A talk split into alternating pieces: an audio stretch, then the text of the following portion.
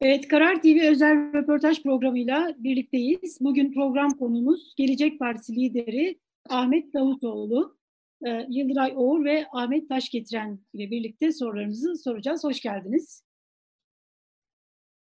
Hoş bulduk, çok teşekkür ederim. Çok sağ olun. Her Siz de hoş geldiniz. Bu sefer sizi kütüphanenin bir başka köşesinde ağırlıyorum. Geçen sefer bir başka köşesiydi. Böyle dolaşacağız bir kütüphaneyi. Teşekkür evet, ederiz. Öyle. E, isterseniz erken seçim tartışmalarıyla başlayalım. Tabii. CHP lideri Kemal Kılıçdaroğlu bir baskın seçim olması durumunda e, yeni partilere yani Gelecek Partisi'ne ve Deva Partisi'nin seçimlere girebilmesi için milletvekili verebileceğini söyledi. Peşinden de MHP lideri Devlet Bahçeli bir açıklama yaptı. Aslında yaptığı açıklamanın özeti yani ben grup kurdurmam dedi. E, milletvekili transferine izin ver, ver, vermem dedi. Siz bunu nasıl değerlendiriyorsunuz? Şimdi her şeyden önce e, birkaç boyutu var tartışmanın. Bir de tabii Sayın Bahçe'nin ayrıca açıklamaları var ona girebiliriz ama. E, birincisi daha e, iki sene üst üste seçim olmuş. Yani 2017'de referandum, 2018'de genel seçim, 2019'da yerel seçim. 2020'de tekrar seçim bahsinin bu kadar ciddi yanlış şekilde konuşulması bile ülkede bir yönetim problemi olduğunu ortaya koyuyor. Bir kere bunu tespit etmek lazım. Yani eğer Türkiye'de her şey iyi gitseydi ne Bahçeli böyle bir açıklamada bulunurdu, ne Sayın Kılıçdaroğlu bulunurdu, ne Sayın Erdoğan bu kadar sessiz kalırdı. Çıkar derdi ki bir dakika arkadaşlar daha iki sene olmadı biz seçileli, üç sene var önümüzde. Böyle bir şey söz konusu değil diyebilirdi. Bir kere psikolojik olarak toplumun işlerin iyi gitmediği kanaatine sahip olduğu konusunda bütün bu liderler müttefik ki erken seçim diye bir tartışma söz konusu olabiliyor. Niye Sayın Erdoğan çıkıp da böyle bir ihtimal yok diyemiyor? Çünkü daha önce 2018'de bunu söyledi. Kısa bir süre sonra Sayın Bahçeli erken seçim çağrısı yapınca uymak zorunda kaldı. İpler Sayın Bahçeli'nin elinde gibi gözüküyor bu anlamda seçime gidip gitmeme konusunda. Tabii yeni sistemde durum biraz daha farklı ama yine de Sayın Bahçeli böyle konularda ağırlığını koyarak fikir beyan ederek Türk siyasetinin gidişatı benim elimde demek istiyor. Peki erken seçim e, söz konusu olursa hangi e, bağlamda girilir, nasıl bir kompozisyon ortaya çıkar sorusu da açıkçası zamanlama ile ilgili biraz. Bizim hiç kimseden böyle bir talebimiz olmadı. Sayın Kılıçdaroğlu kendi şahsi görüşü olarak yani parti görüşü veya kendi görüşü olarak bunu dile getirdi. Biz bizim şu anki hedefimiz Gelecek Partisi olarak süratle teşkilatlanmayı tamamlayıp inşallah olabilecek hangi tarihte olursa olsun bir seçime kendi tabelamızla girmemiz ve hiçbir e, şeye e, bir e, ihtiyaç ortaya çıkmadan e, bunu gerçekleştirebilmemiz. Bizim yoğunlaştığımız konu bu. Ve şu ana kadar da hamdolsun gayet e, tempolu bir şekilde bunu yürütüyoruz. Bu hafta bildiğiniz gibi iki il başkanı daha atadık. 52 il başkanı atandı. 157 ilçe e, de atamalar yapıldı. E, kongre şartlarını sağlayan e, illerimiz 20'yi geçti ki bu korona şartlarında süratle e, korona bittiği andan itibaren kongrelere başlayacağız. Yani korona e, karantina bittiği andan itibaren bayramdan sonra hatta e, daha esnek şartlarda kongreleri yapmaya başlayacağız ve bir seçime hiçbir desteğe ihtiyaç hissetmeden girmeye çalışmasını yürüteceğiz. E, Sayın Bahçeli'nin bu konuda yaptığı açıklamalara gelirsek, e, altı maddede özetleyen iyi bir e, yaklaşımı var. E, bir kere en temelde anlaştığım en temel konudan başlayalım Sayın Bahçeli'nin açıklamasında. Siyasetik yasası çıkarılsın diyor. Bu benim ısrarla talep ettiğim başbakanlık döneminde döneminde e, öncelikli olarak gündeme getirdiğim bir konuydu. Ve maalesef o zaman başbakanlıktan ayrılma sürecinde de e, bana karşı kullanılan hususlardan biriydi. Sayın Erdoğan o zaman ikna edememiştik siyasi etik yasası çıkarılması konusunda. Benim ikna edemediğim bu konuda ümit ederim Sayın Bahçeli, Sayın Erdoğan ikna eder ve Türkiye siyasi etik yasası ile tanışır ve sağlıklı bir şekilde bunu uygulamaya koyar. Bu e, hayati derecede Türk siyaseti için önemlidir. Bu konuda Sayın Bahçeli'ye her türlü desteği vermeye hazırım. Çünkü bu benim siyasi hayatımın en önemli projesiydi, en önemli ilkesiydi. Ama izin vermediler. Nisan 2016'da siyasetik yasasını parlamentoya da sevk ettik. Ama zaten Mayıs'ta benim ayrılmama sebebi sebep olan hususlardan biri olarak da bu. Daha sonra parlamentodan da çekildi ve Sayın Cumhurbaşkanı hatırlarsanız ilçe başkanı bile bulamazsınız ifadelerinde yer aldığı bir süreç yaşandı. Şimdi eğer Sayın Bahçeli siyasetik yasası konusunda Sayın Erdoğan ikna ederse ve bu meclise gelirse bilsin ki en büyük destekçisi Gelecek Partisi olarak biz olacağız ve en büyük desteği de şahsen ben vereceğim. Onun hiç tereddütü olmasın.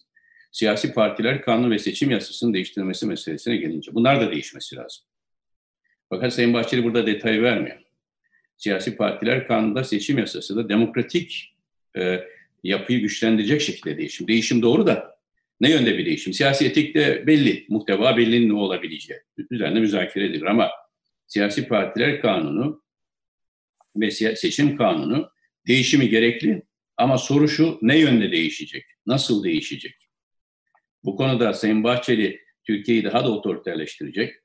Siyasi partileri kurulmasını zorlaştırıp veya örgütlenmesini zorlaştırıp e, kapatılmasını kolaylaştıracak bir yola giderse bu eski Türkiye dediğimiz tipik vesayet siyasetinin geri dönmesi zaten var şu anda da farklı yollarla ama daha ağır bir şekilde otoriteleşme gitme e, yönünde olur.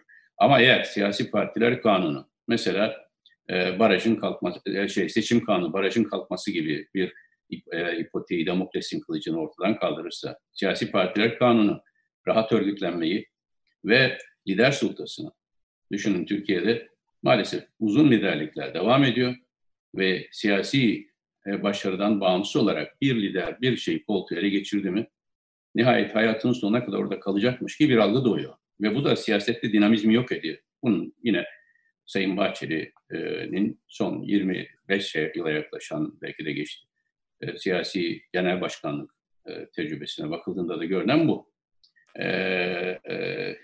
Bu tabloyu değiştirecek ve siyasi partileri kendi işlerinde rekabete açacak, demokratik görüşlerin dile getirmemesinde engel olan hususları ortadan kaldıracak örgütlenmede üyelere ve delegelere daha fazla ağırlık verecek bir yapıya dönüşecekse bunu da destekleriz. Ama yok bir kere siyasi partiler ele geçirildi mi?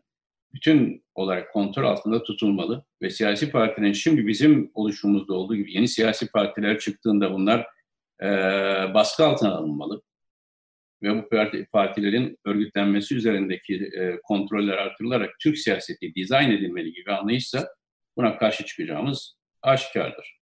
E, dolayısıyla görmek e, gerekiyor bunlar ama bizim erken seçimle ilgili tutumumuz açıktır. E, ne zaman seçim olursa kendi tabelamızda ve kendi imkanlarımızla girmek için yoğun şekilde çalışıyoruz. Her türlü spekülasyonun tabii bu anlamda Sayın Kılıçdaroğlu kendi görüşünü ifade etmiştir. Daha önce yaşanan bir tecrübeye istinaden. O zaman da İyi Parti'nin girişi engellenmeye çalışıldı. Mesele burada engellenmemeye dayalı her siyasi rekabeti teşvik edecek girişimlerde bulunmak lazım. Ee, bu çerçevede biz Gelecek Partisi olarak bizim gündemimiz bir an önce örgütlenmek, bir an önce seçimlere girecek şartları faiz hale gelmek. Peki erken seçim bekliyor musunuz? Türkiye erken seçime gider mi? Ee, zaten şu tartışmalar psikolojik olarak erken erken seçim öyle bir şey ki ya hiç o bahsi açmayacaksınız ya da açtığınızda yapacaksınız erken seçim e, gündeme gelip de bir beklenti oluştu mu? İnsanlar o seçim gerçekleşene kadar yatırımlarını ertelerler, bekleme moduna geçerler, acaba ne olacak kaygısı duyarlar. Şu anda Türkiye'de maalesef siyasi iktidarın en büyük hatası iki konu gündemde durma, tutmaya durmasına izin vermesi. Birisi darbe söylentileri, birisi erken seçim. Aslında kendi altını, içini boşaltan şeyler bunlar. Çünkü darbe ile e, söylentisi ise şu demektir. Bu iktidar söylenti düzeyinde bile darbeyi engelleyecek çaba göstermiyor. Sayın Cumhurbaşkanı'nın çıkıp tekrar tekrar söylüyorum. Türkiye demokratik ülkedir. Darbe e, ihtimali dahi söz konusu değildir. Biz yönetime hakimiz demesi lazım. Halkı mobilize ederek darbe engellenme değil bir darbe ihtimali söz konusu olsa halk nasıl mobilize olacağını gösterdi 15 Temmuz'da. Ama artık Türkiye'nin istikrara, normalleşmeye, önünü görmeye ihtiyacı var. Şimdi erken seçim meselesi de. Ee, Sayın Bahçeli bu tartışmayı tetikleyerek aslında gündeme getirmiş oluyor. Yani e, devam ettirerek bu tartışmayı. Ve iktidar cenahından da buna karşı bir görüş beyan edilmiyor. Benim kanaatim şu psikolojik ortamla bu ülkenin 2023'ü görmesi mümkün değil. 2022'de dahi, 2022 gibi daha o bile Türkiye için artık uzun vade gibi neredeyse iki yıllık bir perspektif. Yok yani ülkede böyle bir perspektif. Ama bu sene erken seçime gidilmesi ihtimali şu ekonomik şartlarda e, daha düşük görülüyor. Daha düşük ama gidilmez diyemem. Neden biliyor musunuz? Hayatta en büyük öğretmen tecrübedir. Ben 1 Kasım seçimlerinden sonra yaptığım ilk mülakatta, hatta Konya Meydan'da yaptığım konuşmada halka verdiği o muhteşem destek dolayısıyla teşekkür ettikten sonra artık ülkede 4 yıl seçim yok. Bütün enerjimizi bütün enerjimizi çalışmaya vereceğiz. Bütün enerjimizi yatırımlara, ekonomi düzeltmeye, istikrara vereceğiz ve reformları gerçekleştireceğiz dedim. Ee, şimdi onu demiş birisi olarak 6 ay sonra bana karşı bir e, parti içi darbe söz konusu oldu ve e, o seçimin, 1 Kasım seçimlerinin en temel sonucu yok edildi. Yani bir seçimler niye yapılır? Bir de e, bir partilerin genel başkanları arasında birinin başbakan olması için nihayet e, o zamanki sistem itibariyle söylüyorum. E, ve başbakan belli olmuş seçimden 6 ay sonra kendi partisi içinde e, bir e, hareketlenmeyle birlikte bir darbe, e, parti içi bir darbe söz konusu olmuş. Bir sene sonra referandum 2017'de. Biz ondan bir sene sonra Cumhurbaşkanlığı seçimi 2018'de benim genel seçimler 2019'da da yerel seçimler. Şimdi normalde 1-2 Kasım sabahı bu ülke uyandığında 2019 Kasım'ına kadar 4 yıl seçim yok derken 4 yıla 3 e, e, seçim, bir darbe teşebbüsü, Allah bir daha göstermesin darbe gibi öyle bir şeyi. Bir de parti içinde seçimi kazanan başbakana karşı yapılan bir darbe bir girişim söz konusu. Şimdi bunu bilen biri olarak ben çıkıp Türkiye'de bu sene hele hele şartlar çok daha ağırken, ülkede tek parti iktidarı yokken açık söyleyeyim. Evet tek cumhurbaşkanı idaresi var görünüyor ama şu anda Türkiye'de AK Parti iktidarı yok.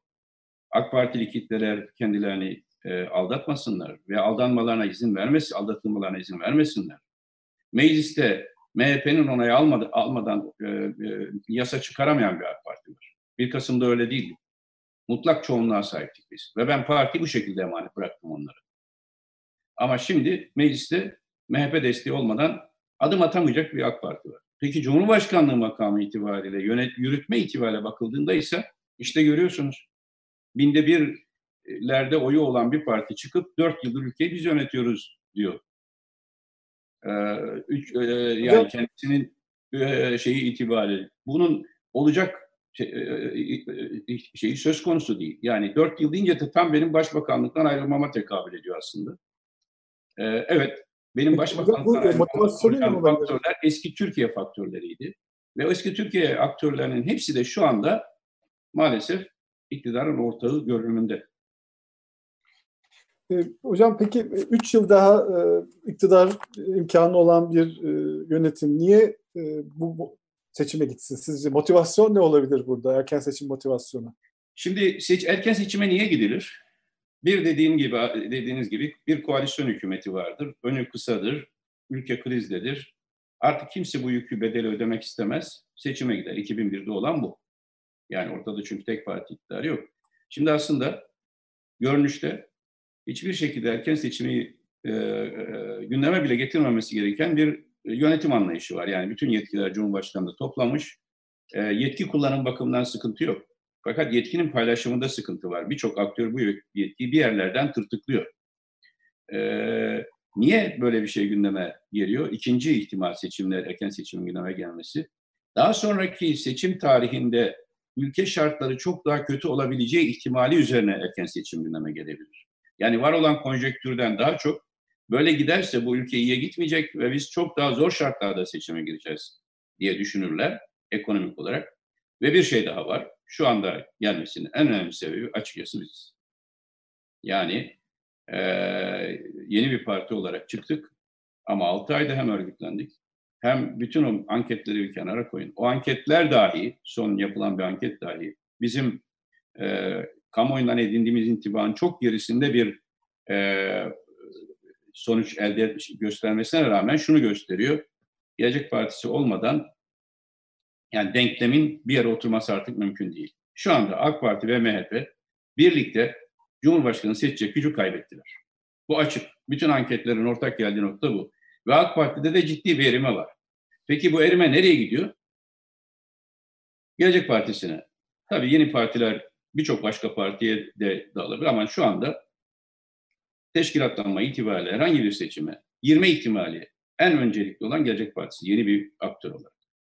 Yani örgütlenme hızımıza, ülke gündemine koyduğumuz ağırlığa ve genel olarak toplumdaki kabule bakıldığında Gelecek Partisi'nin alacağı oraya bize e, e, Gelecek Partisi'ne doğru gidecek her oy kayması AK Parti'yi tedirgin ediyor artık.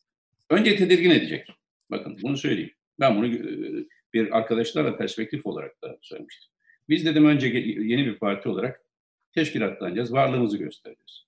Sonra alternatif bir muhalefet anlayışı geliştireceğiz. Şimdi geliştiriyoruz. Sonra muhalefetin başa, başa aktörü olacağız. Yani muhalefetin başa aktörü derken diğer muhalefet partiler, muhalefet partileriyle rekabet anlamında demiyorum.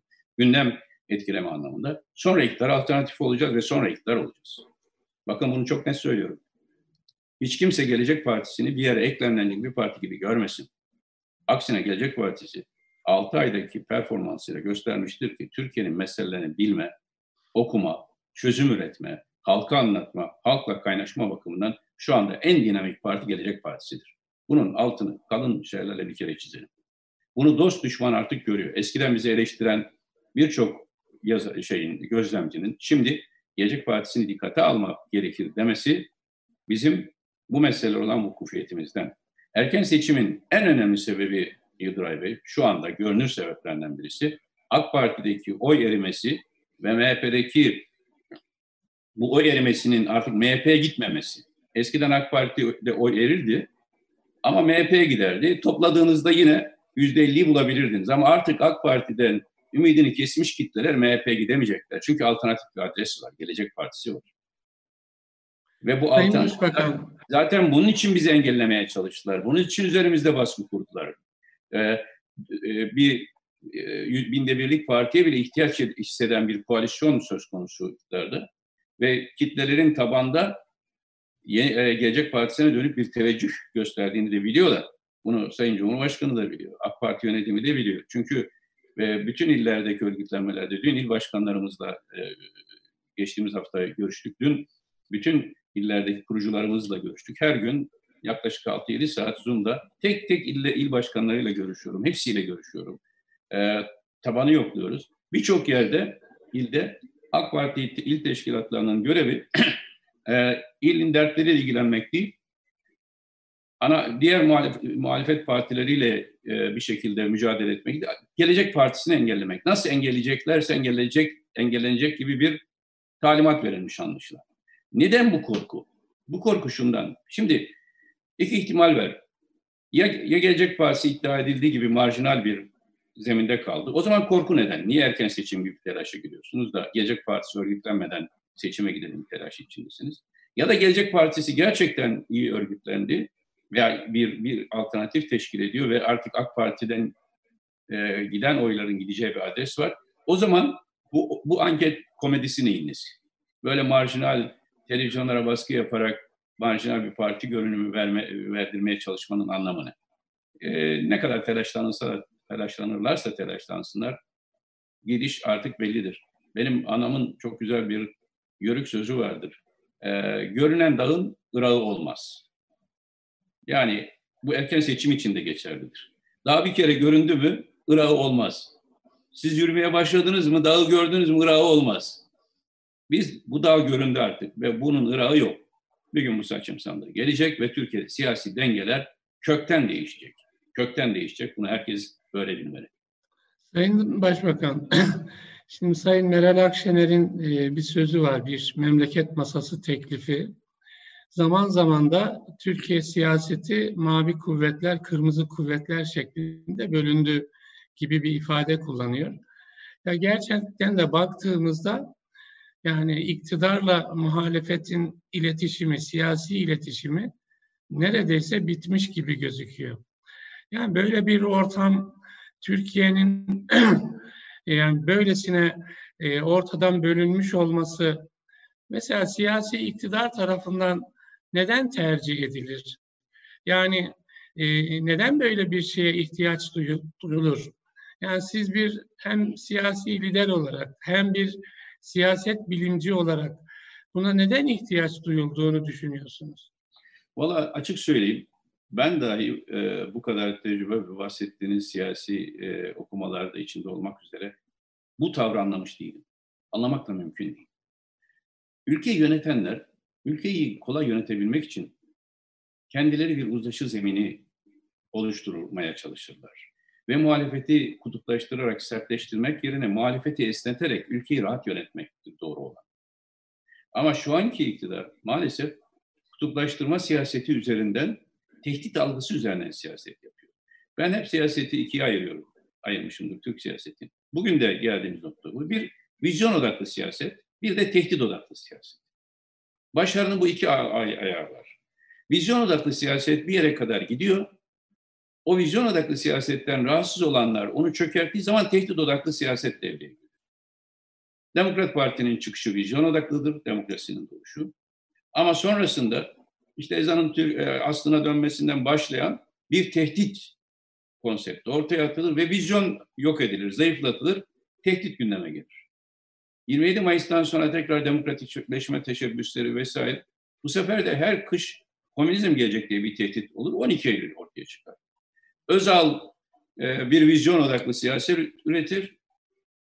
Onun karşısında bu sefer e, işte Cumhurbaşkanlığı makamına e, makamının mutlaka asker olması gerektiğine dayalı bir başka şey çıkartılır. Arkasından 28 Şubat tehdit odaklı siyaset. AK Parti vizyon odaklı bir siyasetle iktidar olmuştu. Ve biz o vizyona inandığımız için AK Parti'deydik. Şimdi sadakat tartışmaları burada. Maalesef AK Parti'de ve Sayın Erdoğan'ın dönüşümdeki en e, anlaşılmaz nitelik kendisi vizyon odaklı bir siyasetten gelip kendisi şimdi tehdit odaklı bir siyasetin uç beyi şeyi öncüsü haline geldi. Ve tehdit odaklı siyaset ülkeyi ancak kutuplaştırarak yönetebilir Ahmet. Vizyon odaklı siyaset ise kendi vizyonunu koyar ve herkesi o vizyona celbetmeye, çekmeye çalışır. Şimdi Sayın e, Akşener'in memleket masası teklifi doğru bir teklif. Doğru bir teklif. Biz de destek olduk. Bugünler kutuplaşılarak aşılacak zorlukların olduğu günler değil. Bugünler herkesin elindeki heybesindeki ne varsa ortaya koyup bir iftar sofrası gibi ülkeye bir iftar yani yeni bir şey başlatmak, yeni bir dönem başlatması başlatılması gerekenler. Aslında Akşener, Sayın Akşener bu teklifiyle iktidara bir e, şey sundu, bir e, can simidi demeyeyim o anlamda değil ama bir ciddi bir e, koz, bir tek şey imkan, imkan sundu, imkan sundu. Evet. Normalde Sayın Cumhurbaşkanı'nın bu olmadan koronavirüs tehdidi başladığında bütün liderleri toplayıp kendisi böyle bir süreci başlatarak hem bu işin primini almalıydı, haklı olurdu da prim almakta, hem de topluma güven vermeliydi. Yeni bir dönem başlıyor. Bakın ben herkesle oturuyorum demeliydi. Bizler Sayın Cumhurbaşkanı'nın eskiden beraber e, yol yürüdüğü, beraber arkadaş olduğu kişiler ona tehdit değiliz. Bizi dahi tehdit olarak öyle bir yere oturttu ki karşı Sayın Akşener, Sayın Kılıçdaroğlu, Türkiye'de siyaset yapan hiç kimse birbirinin için tehdit görülmemeli. Rakip görülmeli. Tehdit nedir? Tehdit demokrasiyi yok etmeye çalışan güçlerdir. Tehdit terördür.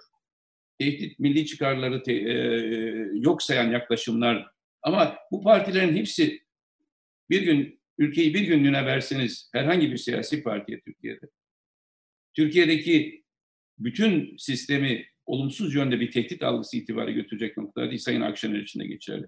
Sayın Bahçeli Şubat ayında hatırlarsanız, Şubat yani geçtiğimiz yıllar değil, ortak akıl çağrısında bulundu ve herkesi e, konuşmaya çağırdı. Sayın Erdoğan, Türkiye platformu diye bir fikir ortaya attı. Peki Türkiye platformu e, Gülen'in, FETÖ'nün oyunu değil de memleket masası mı oyunu oluyor? Oraya geldiğinizde FETÖ, FETÖ Türkiye'de şu anda en çok neden hoşlanmaz biliyor musunuz? FETÖ'de PKK'da. Herkesin bunu göz önüne almak istedim Sayın Erdoğan, Sayın Bahçeli. Siyasi aktörlerin bir araya gelerek terör karşısında omuz omuza vermesinden rahatsız olur FETÖ'de, PKK'da. Ve Sayın Erdoğan yapması gereken temel e, doğrular etrafında siyasi aktörlerin tümünü FETÖ'ye ve PKK'ya karşı bir yerde buluşturmak. Bunu yaptığında ülkeyi rahat idare eder. Bunu yaptığında ülke onun için hükümet performansı itibariyle, kamuoyunda kabul itibariyle prestiji artar, azalmaz.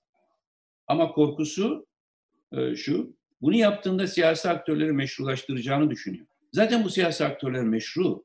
Yani Türkiye siyasetine giren her siyasi aktör meşru. Meşruiyet de Sayın Erdoğan'ın ağzından çıkacak, Sayın Bahçeli'nin bunlar vatanperverdir demesiyle sağlanacak bir şey değil. Öyle bir algıya sahip ki Sayın Erdoğan da Sayın Bahçeli de. Biz birine vatan hain dersek o vatan hain. Yok öyle ucuz e, Öyle Peki ucuz. E, hocam bir araya girmek istiyorum. Tam da hani tehdit siyaseti dediniz. Siyasi partilerin aslında meşrulaştırma. Yani siyasi partiler tabii ki meşru. Kutuplaşmadan bahsettiniz.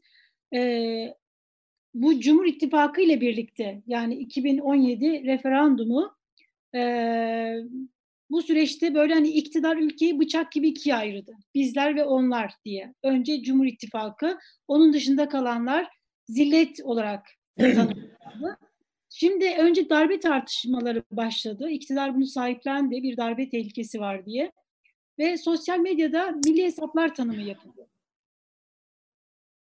Bu konuda neler söylemek istersiniz? Valla bu bir yüz karasıdır açık söyleyeyim. Ee, eğer Türkiye'yi bölen siyasete bakın geçmişte maalesef Demokrat Parti bizim hep hayırla yad ettiğimiz, şehit olarak, dedemiz olarak andığımız büyük şahsiyetler ve 27 Mayıs yaklaşıyor. Büyük bir e, saygıyla hepsini ihtiram ederiz ama e, 50'li yılların sonlarındaki Vatan Cephesi örneği, 70'li yılların sonlarındaki Milliyetçi Cephe örneği. Ve dikkat edin, böyle bir cepheleşme psikolojisi doğduğunda ülke yönetmek zorlaşır. Ülke yönetmek zorlaşır.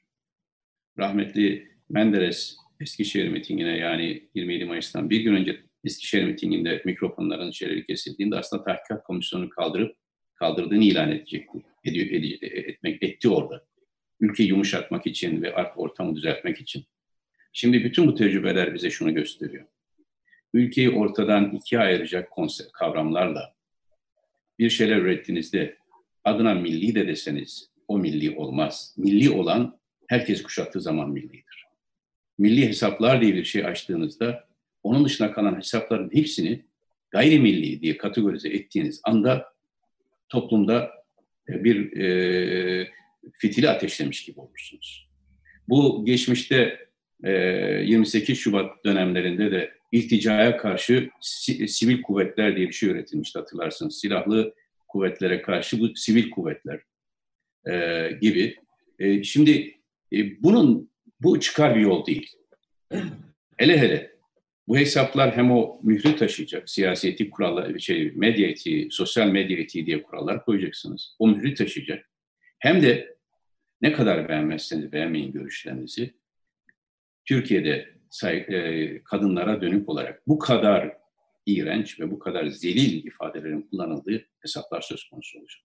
Türkiye'de ideolojide farklılaşırsanız, inançta farklılaşırsınız, düşüncede farklılaşırsınız ama herkes hemen hemen bir noktada müttefiktir. Kadına saygı.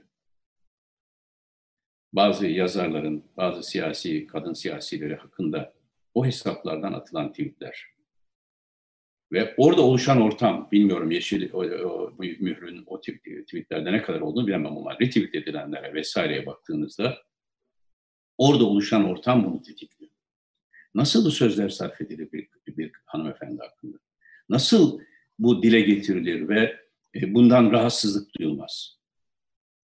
Yani buna hiçbir, bırakın sosyal medyayı, Türk insanının, o okuma yazma bilmeyen Türk insan, Anadolu insanının irfanı isyan eder. İsyan eder. Ayrıca Ramazan'dayız. Bunların çoğu belki oruç tutuyor. Ama Hazreti Peygamber'den intikal eden ve benim e, alternatif paradigmada da savaş hukukunun ilk örneği olarak ele aldığım hadiste kadınlara, çocuklara dokunmayacaksınız. Kiliselere dokunmayacaksınız. Savaşa giden askere nasihat, şeylere nasihatı e, olarak söylenen. E, e, ve ağaçlara zarar vermeyeceksiniz. Bunlar şeye bağlanmış. Siz bir Müslüman olarak bir Müslümanın en önemli niteliği nezaketi. Bütün nezaketleri aşarak kadınlara e, bir olağanüstü durumda kadınlara ne yapılacağını, efendim nasıl saldırılacağını, ailelerinizi nasıl koruyacaksınız gibi ifadeler kullanacak ve bunlar milli olacak öyle mi?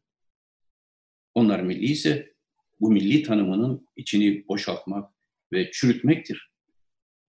Dolayısıyla millilik tutumlu olur, millilik ahlaklı olur, millilik e, milli değerlere, yerel değerlere, insana saygı duyan değerlere saygı duymakla olur. Biraz say, Sayın Başbakan, biraz Sırp vahşetini hatırladınız mı bu şeyleri okurken? Kadınlarınızı Tabii. nasıl koruyacaksınız, çocuklarınızı? Evet, aynı mantık maalesef. Nasıl söylersiniz bunu? İşte FETÖ'nün de bir başka şey e, yansıması bu tür şey. Bunlar bunların birçoğu da geçmişe bakın. Daha 2010'da o konuşmaları yapanların 2014 Eylül'ündeki, Ekim'indeki şeylerine bakın açıklamalarına. Yani şeyden sonra 17-25 Aralık'tan sonraki açıklamalarına bakın. Bunların çoğu geçmişte FETÖ'yü övmüş, FETÖ'nün yanında durmuş, FETÖ'nün arkasında durmuş isimler. Ve e, bugün de Türkiye için iki tehlike var eğer bir tehdit varsa. Bir kripto FETÖ unsurları kendilerini örtmek için FETÖ ile mücadele görüntüsü vererek toplumun bütün ahlaki değerlerini yozlaştırmaları, toplumun siyasal temelini sarsmaları.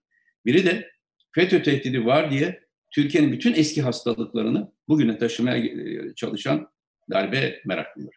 Bu iki tehdidi aşmak için Türkiye'de e, ortak değerlere, siyasi ahlaka, demokrasiye bağlı, özgürlükçü, hukuk devleti kurallarını benimsemiş herkesin işbirliği yapması lazım. Memleket masası böyle bir teklifi beraberinde getiriyorsa başımızın üzerinde yeri var ki teklifin ana niyeti bu anladığım kadarıyla. Detayını bilmek için söylüyorum. Sayın Cumhurbaşkanı bunun öncülüğünü yapması lazım. Şimdi böyle bir e, insanı kaygılandıran husus. Hatırlarsanız 3 hafta önce ben pazartesi yaptığım mutat konuşmamda bu konuda uyarmıştım. Eğer bu darbe söylentilerini bu şekilde tahrik edip devam ettirirseniz bir müddet sonra herkes darbe karşıtlığı argümanı altında silahlanmaya kalkar. Hukuk devleti çiğnenir.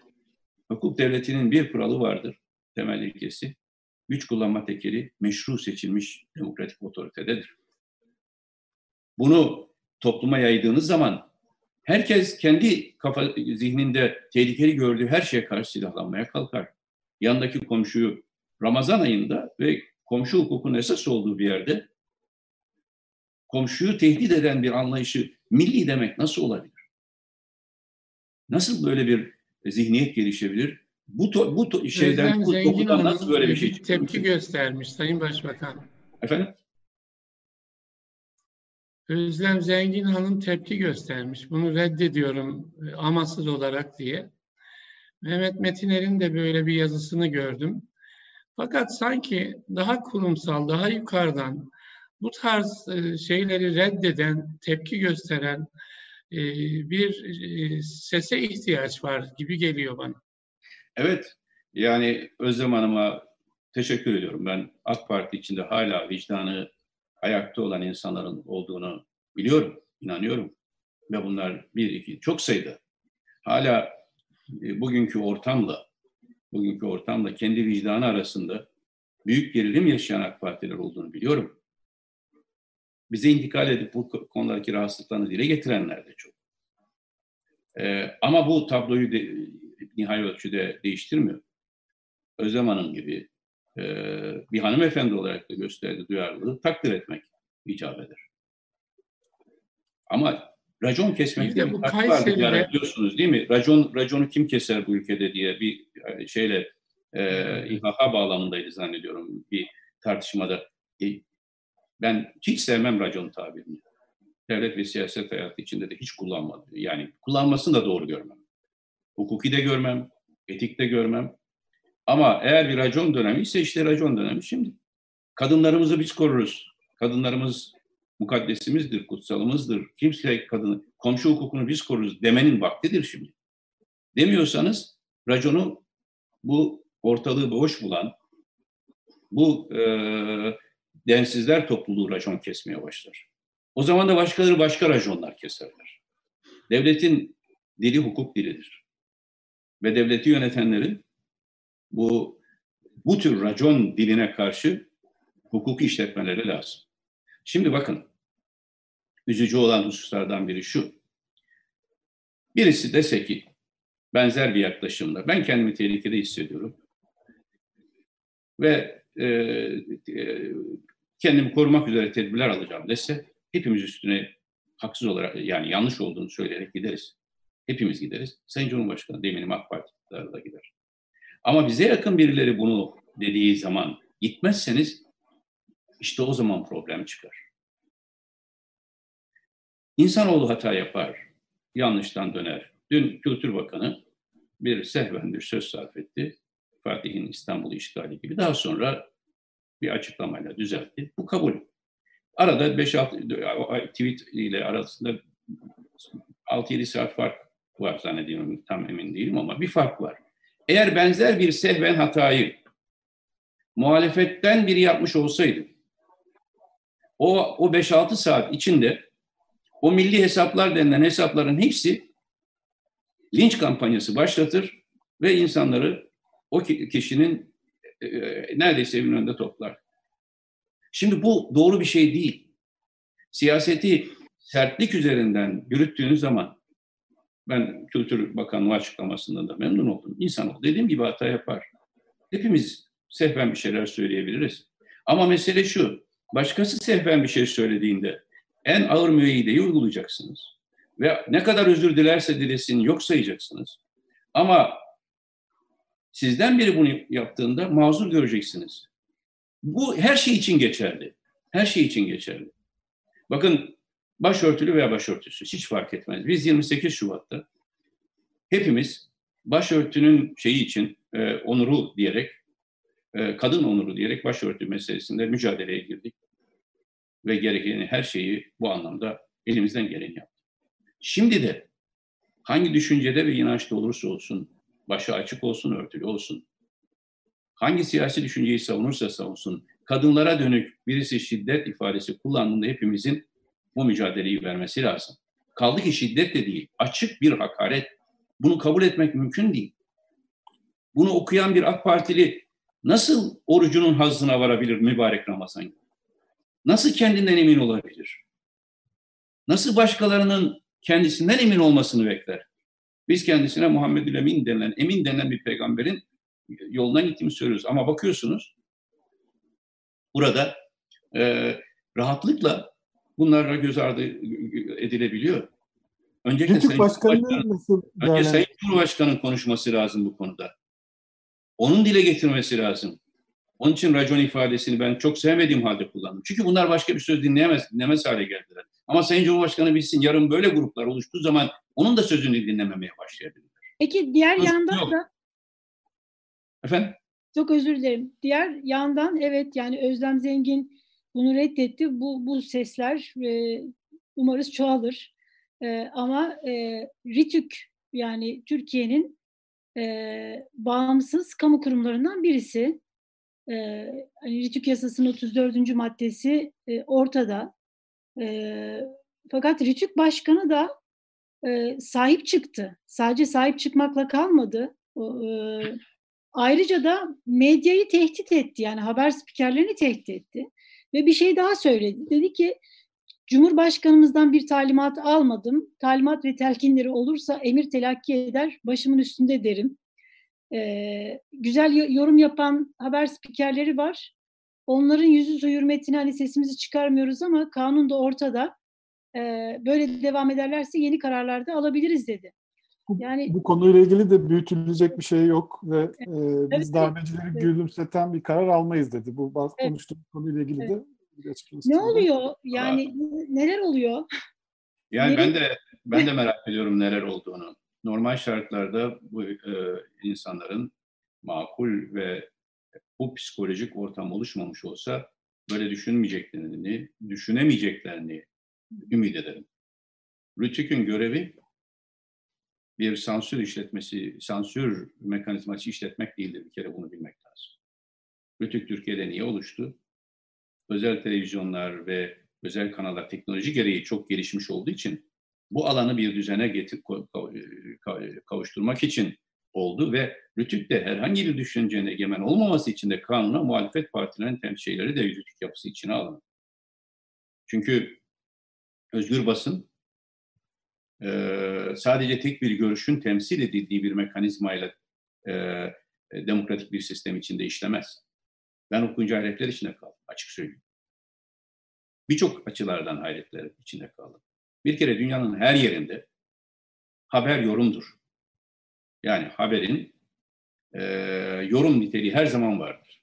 Yani siz hür böyle objektif resim çeker gibi haber yapamazsınız.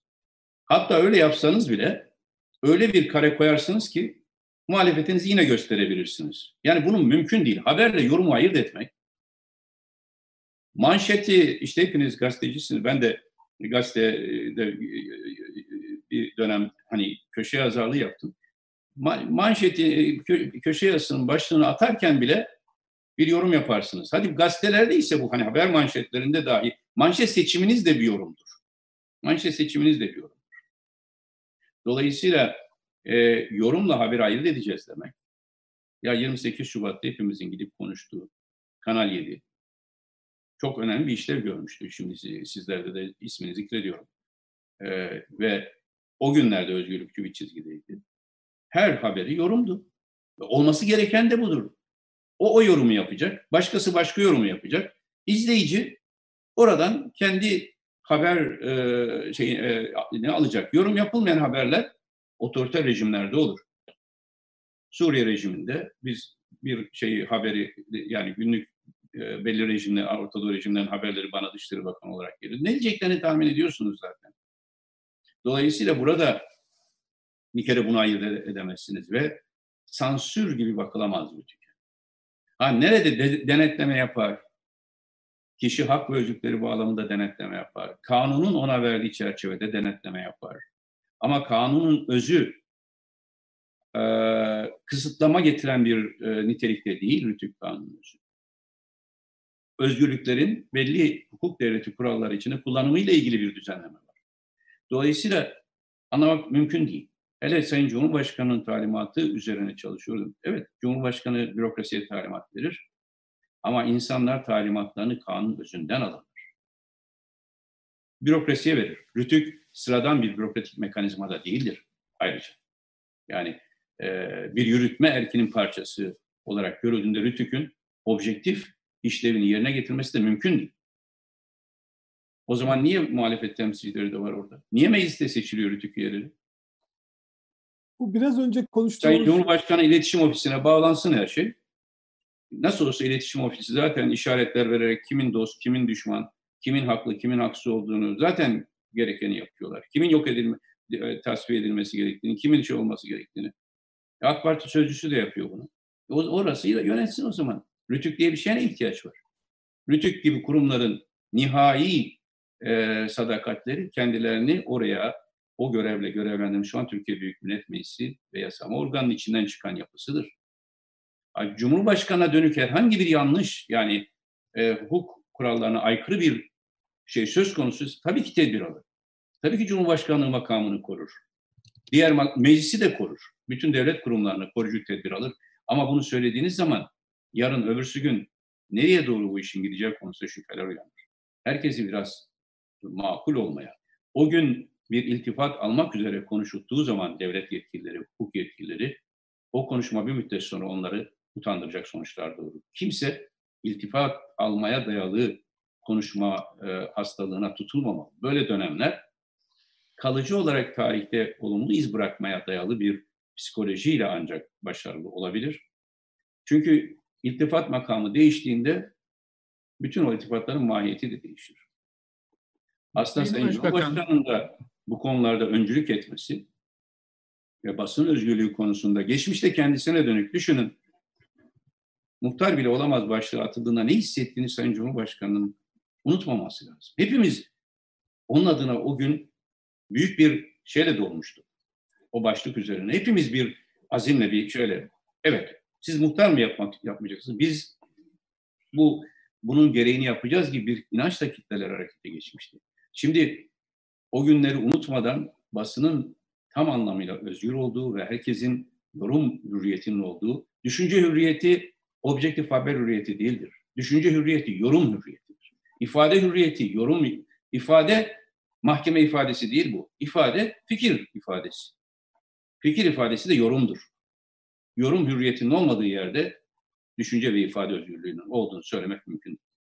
Hocam biraz önce e, bu Akşener Sayın Akşener'in memleket e, masasını konuşurken işte bütün partilerin e, burada temsil edilmesinin iyi olacağını söylediniz ama Akşener'in önerisinde bir parti yok. E, HDP davetli değil onun masasına. Bunu bir değerlendirmek ister misiniz? Yani bu çünkü HDP üzerinden de bir tartışma yürütülüyor. Sonra da hemen ek soru olarak da tekrar bir kayyum atamaları yaşandı.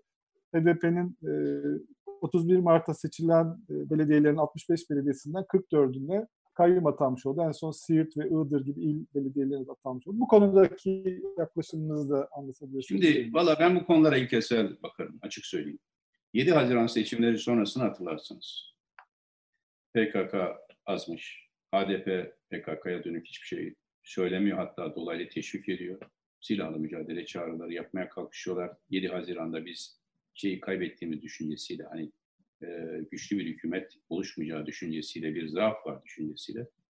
Ben o şartlarda bütün partilerle Sayın Cumhurbaşkanı görev verdiği zaman bütün partilerle konuştuğum gibi HDP ile konuştum. Ee, ve onlara da Türk meşru siyaset içine kalmaları uyarısında bulundum. Çünkü ben başbakandım. Ülkenin meclis grubu, mecliste bir parti olarak bunlar meclise girmişti. Halkın oy verdiği parti halkın oylarına saygı dolayısıyla görüştüm. Bu o zaman da bazı e, eleştiriler söz konusu oldu. Ben o halkın oylarına saygı göstermek adına görüşürüm dedim. Ama 15 Temmuz 2015'te görüştüm. 23 Temmuz 2015'te de teröre karşı en şiddetli mücadeleyi başlatmak için bir an bile tereddüt etmedim. Öyle bir kategori oluyor, oluyor ki demokratik siyaset ile terörle mücadele arasındaki ilkesel çizgiyi doğru koyamıyoruz.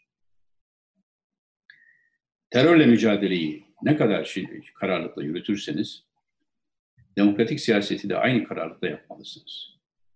HDP'nin burada sınavı maalesef aşmadı. Aşamadığı sınavı ise şudur. HDP PKK ile arasına mesafe koymadı. Koymamakta hala direniyor. Çıkıp çok açık bir şekilde şunu dile getirmeliler. O konuda e, e, adil bir şey e, tutum sergilemek lazım. Çok açık bir şekilde HDP teröre karşı olan mesafesini ortaya koymalı. Ve ne türlü olursa olsun, kimden gelirse gelsin, demokratik siyaset dışındaki bütün yöntemleri reddettiğini ortaya koymalı. Ve gerek Kandil'le gerek İmralı ile olan bağlarını koparmalı. Ha yok e, gibi bir ifadede bulunmamaları e, bulunulursa inandırıcı değil şu an. Çok net tavır koymalı. HDP buradan hareketle de dile getiriyorum. Türkiye söz konusu olduğunda Türkiye'de oy verilen partilerin tümü o halk kesimine saygı gereği muhatap alınır, konuşulur. Bunda bir yanlışlık görmüyorum. Ama o partilerin de teröre karşı mücadele, işte teröre karşı olan tutumlarını açık ve net koyması lazım. Bunlar benim için ilk konular. Birisi teröre doğrudan dolaylı destek verirse, PKK'ya verirse, FETÖ'ye verirse veya başka DAEŞ'e verirse bu ülkenin dokusuna yabancılaşır ve onlara karşı net siyasi mücadele yürütür. Ama bir ülkenin meclisinde bir parti varsa o meclise onları gönderen halkın lehine saygı gereği, oyuna saygı gereği de onların siyasi süreçlerin tümünün dışına itilmesini doğru görmem. Çünkü o zaman e, gittikçe terörize edilen bir siyasi ortam oluşur. Bizim şimdi herkesin bütün bu yaşananlardan ders alarak sağlam, iyi bir değerlendirme yapması lazım. Ve var olan siyasi partileri teröre doğru itmek veya siyaset dışına iterek belli toplum kesimlerini terörün kucağına itmek şeklinde bir siyasetten uzak durması lazım. Gerçekten demokratik siyaseti Sayın Sancar benim bilim adamı olarak bunu yapabilecek bir isim. HDP'nin başında olmasında bir şans olarak. Çıkıp biz artık bütün bu muhasebeyi yaptık ve terörle aramızda net tavır şey koyuyoruz. Ee, bu ülkenin çocuklarının aldatılarak genç yaşta kurban edilmesi dönemi bitmesi lazım. Ee, Türkiye'de her şey demokratik olarak konuşulur. Biz de mecliste bunları dile getireceğiz. Kimsenin Türkiye'nin meselelerini e, gençlerin gelecekleri üzerinden dağlarda aramasına izin vermeyeceğiz. Bu kendi uslubu içinde dile getirilebilecek hususlardır. Bunu artık söylemesi lazım. Sayın Akşener'in bu konudaki tereddütü bu netliği görmemesindendir diye düşünüyorum. Bu netliği ortaya koyduktan sonra da kimsenin elde bir delil olmadıkça, net, objektif bir delil olmadıkça terör suçlaması konusunda e, dışlayıcı bir e, terörü dışlayıcı bir suçlama konusunu siyaset siyasi dışlayıcılık için kullanmasına da bakmamak. Kayyum meselesine daha önce defaatlerce görüşümüzü dile getirdik. Biz demokrasinin ilacının yine demokrasi olduğu kanaatindeyiz. İnancındayız.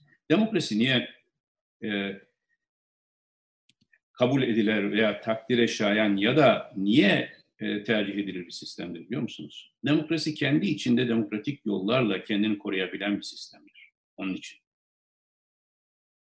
Otoriterliğin kendi yöntemleriyle kendini koruyamayacağını dünyada değişik örneklerle gördük.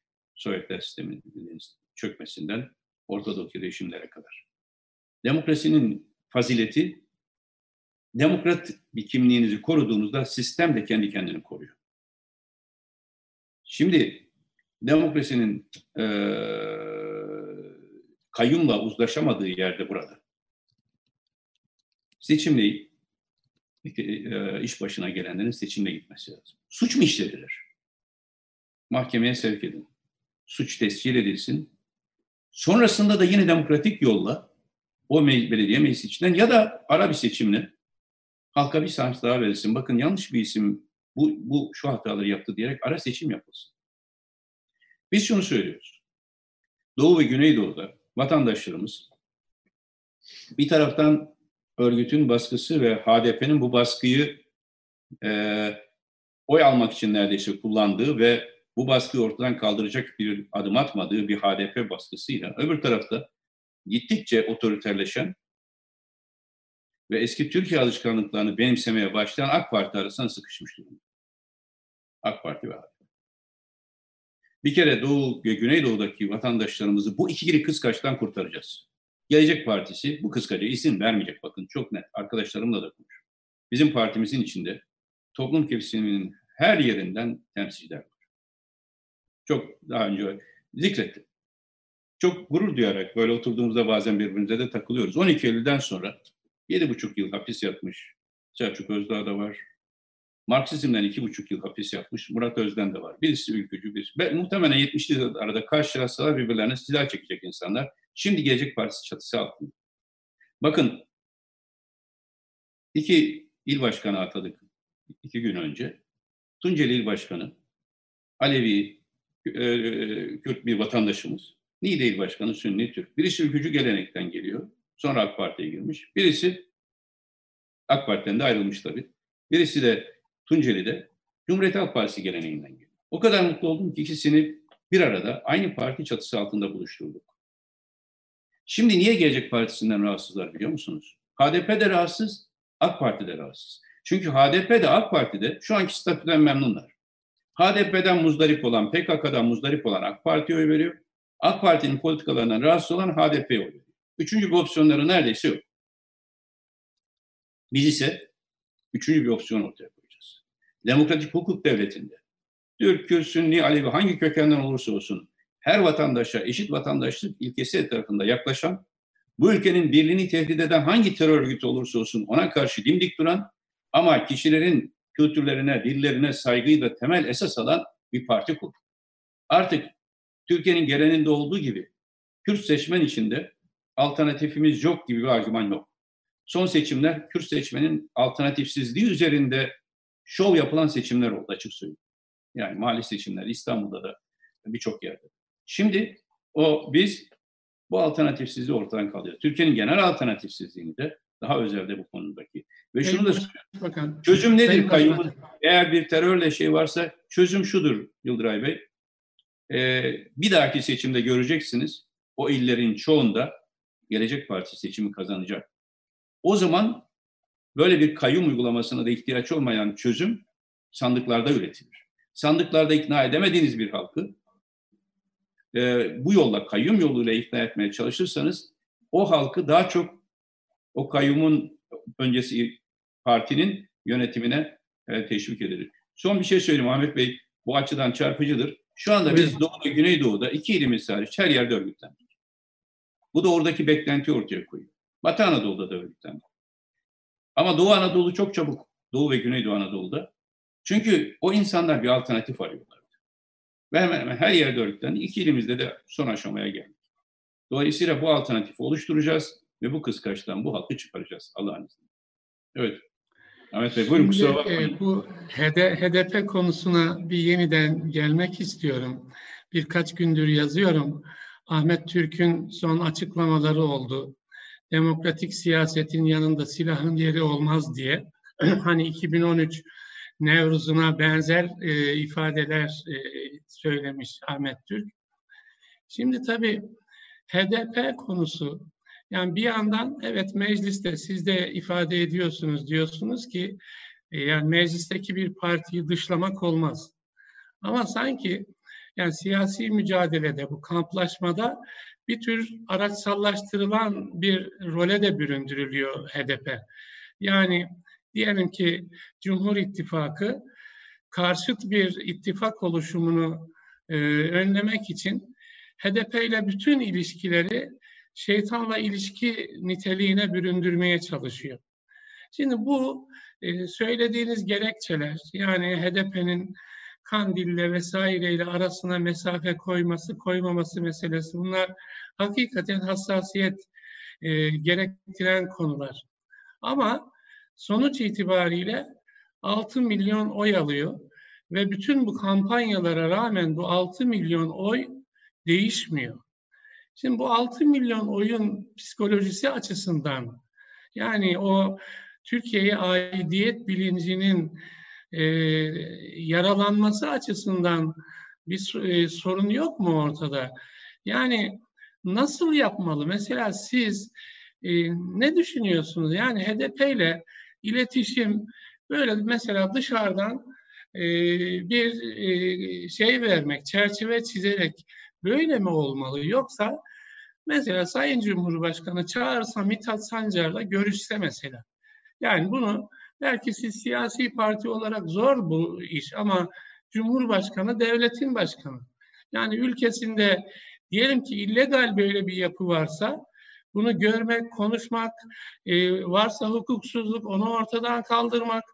Mesela 6 milyon oy eğer FETÖ'ye uygulanan standartlar uygulansa bunların tamamı iltisaklılık, irtibatlılık yönünden cezaevini boylamaları lazım. Bunu yapmıyoruz. Çünkü 6 milyon insanı cezaevine soktuğunuzda nasıl bir ülke manzarası ortaya çıkar?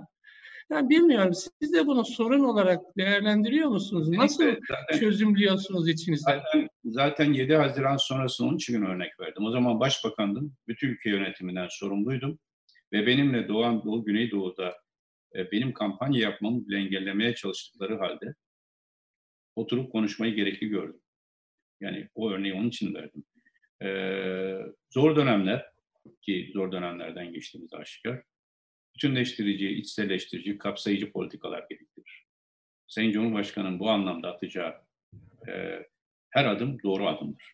Ve biz bu noktada destekleriz. Yani bütün siyasi partileri ayrım gözetmeden çağırması e, Cumhurbaşkanlığı makamına da yakışır. Orada artık AK Parti Genel Başkanı olarak bir Cumhurbaşkanı vasfıyla çağırmalı. Hatta AK Parti'nin de gerekiyorsa e, Genel Başkan vekilini çağırmalı. Ki Cumhurbaşkanlığı vasfıyla ben sizinle konuşuyorum diyebilmek için gerçekten Türkiye'de bugün herkesin konuşabileceği bir makama ihtiyaç var. Sayın Cumhurbaşkanı bunu düşünmesi lazım. Kalmadı böyle bir makam. Kalmadı. Bırakın herkesi yani HDP'yi bir şekilde hani dediğiniz gibi bir psikolojik ortam var ve onlar da Sayın Ahmet Türk'ün açıklaması doğru iyi bir açıklama. Dediğim gibi Sayın Mithat Sancar'ın ben e, bu konularda açılım yapabilecek bir birikime sahip olduğunu düşünüyorum. Yani PKK'ya karşı net tavır alma konusunda. E, ama bunları bırakın Sayın Cumhurbaşkanı ana muhalefet partisi lideriyle bile e, yani Sayın Kılıçdaroğlu'yla, Sayın Akşener'le e, oturup herhangi bir konuyu Cumhurbaşkanlığı görevi esnasında müzakere etmiş değil. Ola ki belki bazı konulardan anlaşacaklar. Ola ki bazı konularda o onları ikna edecek kapalı kapılar ardında. Ben bu konuda Sayın Bahçeli ile birkaç tecrübe yaşadım. Ve şimdi siyaseten karşılayacağız. Ama şunu ifade edeyim. Baş danışmandım. Sayın Başbakan'ın e, Kerkük olayları yaşandı 2007'de. Sayın Başbakan, Sayın Bahçeli ile ilgili Kerkük'teki milli menfaatlerimizi ve ne yapmakta olduğumuzu anlattım ve çok büyük olgunlukla dinledi. O günlerde kışkırtılmaya çalışılan, bazı çevrelerce kışkırtılmaya çalışan tablonun aksine e, gayet o krizin bir Türk-Kürt çatışması gibi bir şeye yansıtılmaması noktasında iyi netice almıştık.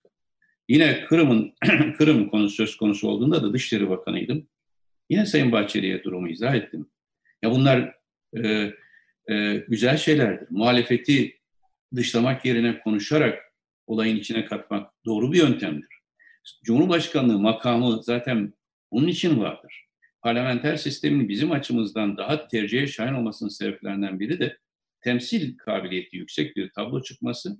Ama temsili olsa da Cumhurbaşkanlığı makamının bir herkese hitap eden bir mesafesinin korunması gücü yoktur ama psikolojik bir e, şeyi vardır, etkisi vardır böyle bir makam. Eğer Hocam. Türk parlamenter sisteme geçersek. Dolayısıyla Bey ben kesinlikle bunu gerekli görürüm. Sayın Cumhurbaşkanı'nın da böyle bir şey yapması kendi siyasi geleceği için de doğru bir adım olur. Kanaatimizi bu konuda açık seyretmek durumundayız. Hocam, kendi siyasi e, geleceği için. Sizi orada kesmek zorunda kalıyoruz çünkü soracak evet. çok soru var. E, gündemde çok maddeler var. Şimdi bir, e, bu Cumhurbaşkanlığı sistemi ile bir gece yarısı kararnameleri e, meselesi oldu Türkiye'nin bir takım atamalar yapılıyor gece yarıları ve hani çok insanlar bu atamaları anlamlandıramıyorlar. Bir tanesi de geçen hafta yaşandı. Deniz Kuvvetleri Komutanlığı Kurmay Başkanı Tüm Amiral Cihat Yaycı ki ismi çok kamuoyunda bilinen bir isimdi. Libya ile yapılan kıta sahanlığı anlaşmasının mimarı, işte bu FETÖ metrenin mucidi olduğu, FETÖ ile mücadeledeki olduğu söyleniyordu. Çok parlak bir e, kariyeri olduğu ve ismi çok e, ortadaydı, öndeydi. E, o görevden alındı ve Genelkurmay emrine atandı. Bu bununla ilgili bir takım spekülasyonlar var. Yani işte tam bilmiyoruz. Tabii bu konuda açıklamalar yapılmadığı için tam e, sebebi bilinmiyor. Fakat bundan önce de benzer atamalar, görevden almalar olmuştu. Mesela 15 Temmuz darbesinden sonra yine ismi çok ön plana çıkan Özel Kuvvetler Komutanı e, Aksakallı Paşa o da bir görevden alınmıştı. Şimdi başka bir yerde görevli. Bir daha sonra Suriye operasyonlarında görevli İsmail Metin temel yine bir şekilde görevden alınmıştı. Onu da artık e, hayatımızda yok. Yani ondan da isminden çok bahsedilmiyor. Bu atamaları nasıl değerlendiriyorsunuz? Yani bu e, yani insanların yorumlamakta zorlandığı bu atamaları ve bu özellikle cihat yaycının görevden alınması ile ilgili olan spekülasyonlar hakkında ne dersiniz? Şimdi e, ben e, ilkesel olarak bir şey zikredeyim her şeyden önce. E, bu tür önemli makamlarla ilgili elimde veri olmadan konuşmayı doğru görmem. Yani spekülasyonlar, yorumlar üzerinden doğru görmem. E, dolayısıyla e, bir bunun gerekçelendirmesi, gerekçesinin ne olduğu hakkında bir bilgi sahibi olmadan e, bir e, kurumda önemli bir görevde olan bir e, genel amiralimiz için ya da başka e, atamalar için mutlak bir hüküm vermeyi doğru görmem. Bu devlet ahlakı itibariyle de doğru. Ama yöntemi konuşabiliriz. Yöntemi söylemek daha doğru. Ee, e, yayıcı, Sayın Yayıcı'nın amiral olarak yaptığı hizmetlere ben de vakıfım. O konuları biliyorum ama perde gerisinde ne olduğunu bilmeden bir hükümde bulunmayı erken görüyorum. Yöntem, yöntem ise yanlış. Yöntem yanlış. Nerede yanlış biliyor musunuz? Bu ilk defa olan bir şey değil. Kamuoyunun çok tanıdığı isimler.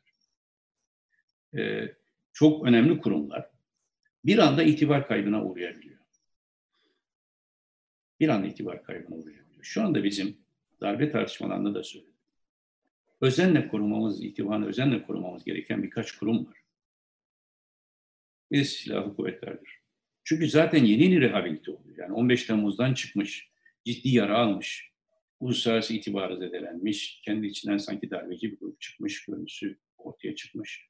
Böyle bir e, psikolojiyi bence yine de emeği geçen herkesten, herkese teşekkür borçluyuz. Silahlı kuvvetler kendini rehabilite etmeye çalışıyor. Bu konularda silahlı kuvvetler içinde nasıl çaba sarf edildiği bilgisine sahibim. Bu, bu konuda toplumu bir anda ikiye bölecek, kendi meclisini bombalayan bir silahlı kuvvetler algısının devamı halinde nasıl bir güven problemi doğacağı aşikar. Yine bir korumamız gereken bir kurum Diyanet Kurumu. Çünkü nihayet Diyanet de manevi bakımdan insanların saygı duymaya ihtiyaç hissettikleri bir kurumdur. Toplumu e, e, kendi içinde e, farklılaşmasına yol açacak tutumlar karşısında Diyaneti muhafaza etmek lazım, korumak lazım. Benzer kurumlar var. İşte Rütük de bu kurumlardan biri aslında bakarsanız. Doğru çalışmalı, ilkeli çalışmalı ve herkes Rütük karar verdiğinde doğru karar verir. Evet, bazı yayınlarda toplumsal ahlakı zedeleyen hususlar vardır. Şu tedbir alır, şunu yapar. Ama düşünce özgürlüğüne dokunmaz Rütük. Dedirtmek lazım. Ama son dönemde bu atamalar ve açıklamalar üzerinden bütün bu kurumlar, Merkez Bankası da böyle, BDDK da böyle. BDDK'nın yapmaması gereken bir açıklamayı BDDK yaptırırsanız bankacılık sistemindeki güveni yok edersiniz. Devlet kurumlar üzerinde ayakta durur. Kurumlar devletin sütunlarıdır. Siz bu sütunları yavaş yavaş hani metal yorgunluğu denilen şeyler vardı bir ara. Devlette metal yorgunluğuna yol açılır. Şimdi e, o zaman daha tabii parti için mesela Sayın Mehmet Görmez'in Diyanet İşleri Başkanlığı'na alınmasını hiç doğru görmedim. Tepki de gösterdim o zaman. Hatırlayacaksınız açıklama yaptım. Çünkü böyle kamuoyunda maruf isimler, sembol hale gelmiş isimler, bir kurum açısından itibar ölçüsü olmuş isimlerin bir gece veya bir gün hiçbir açıklama yapılmadan görevden ayrı, ayrı, alınmaları, hatta ayrılmak zorunda bırakılmaları bazı durumlarda da toplumda güveni sarsar. Bunu ben de yaşadım. Şimdi bana soruyorlar, e, işte niye ayrıldınız diye. Ben onların onurunu korumaya çalışıyorum, çalıştım. Üç yıl susarak, dört yıl susarak beni böyle bir görevden ayrılmak zorunda bırakanların onurunu ben korudum. Halbuki soru onlara yöneltilmeliydi. Ne istediniz 6 ay önce bu yetkiyi almış başbakanına karşı MKYK'da bu operasyonu yapmak için gerekçeniz neydi diye sormak lazım. O gün o gerekçe sorulmadığı için, sorulamadığı için bugün de bu tür atamalarla ilgili gerekçeler soruluyor.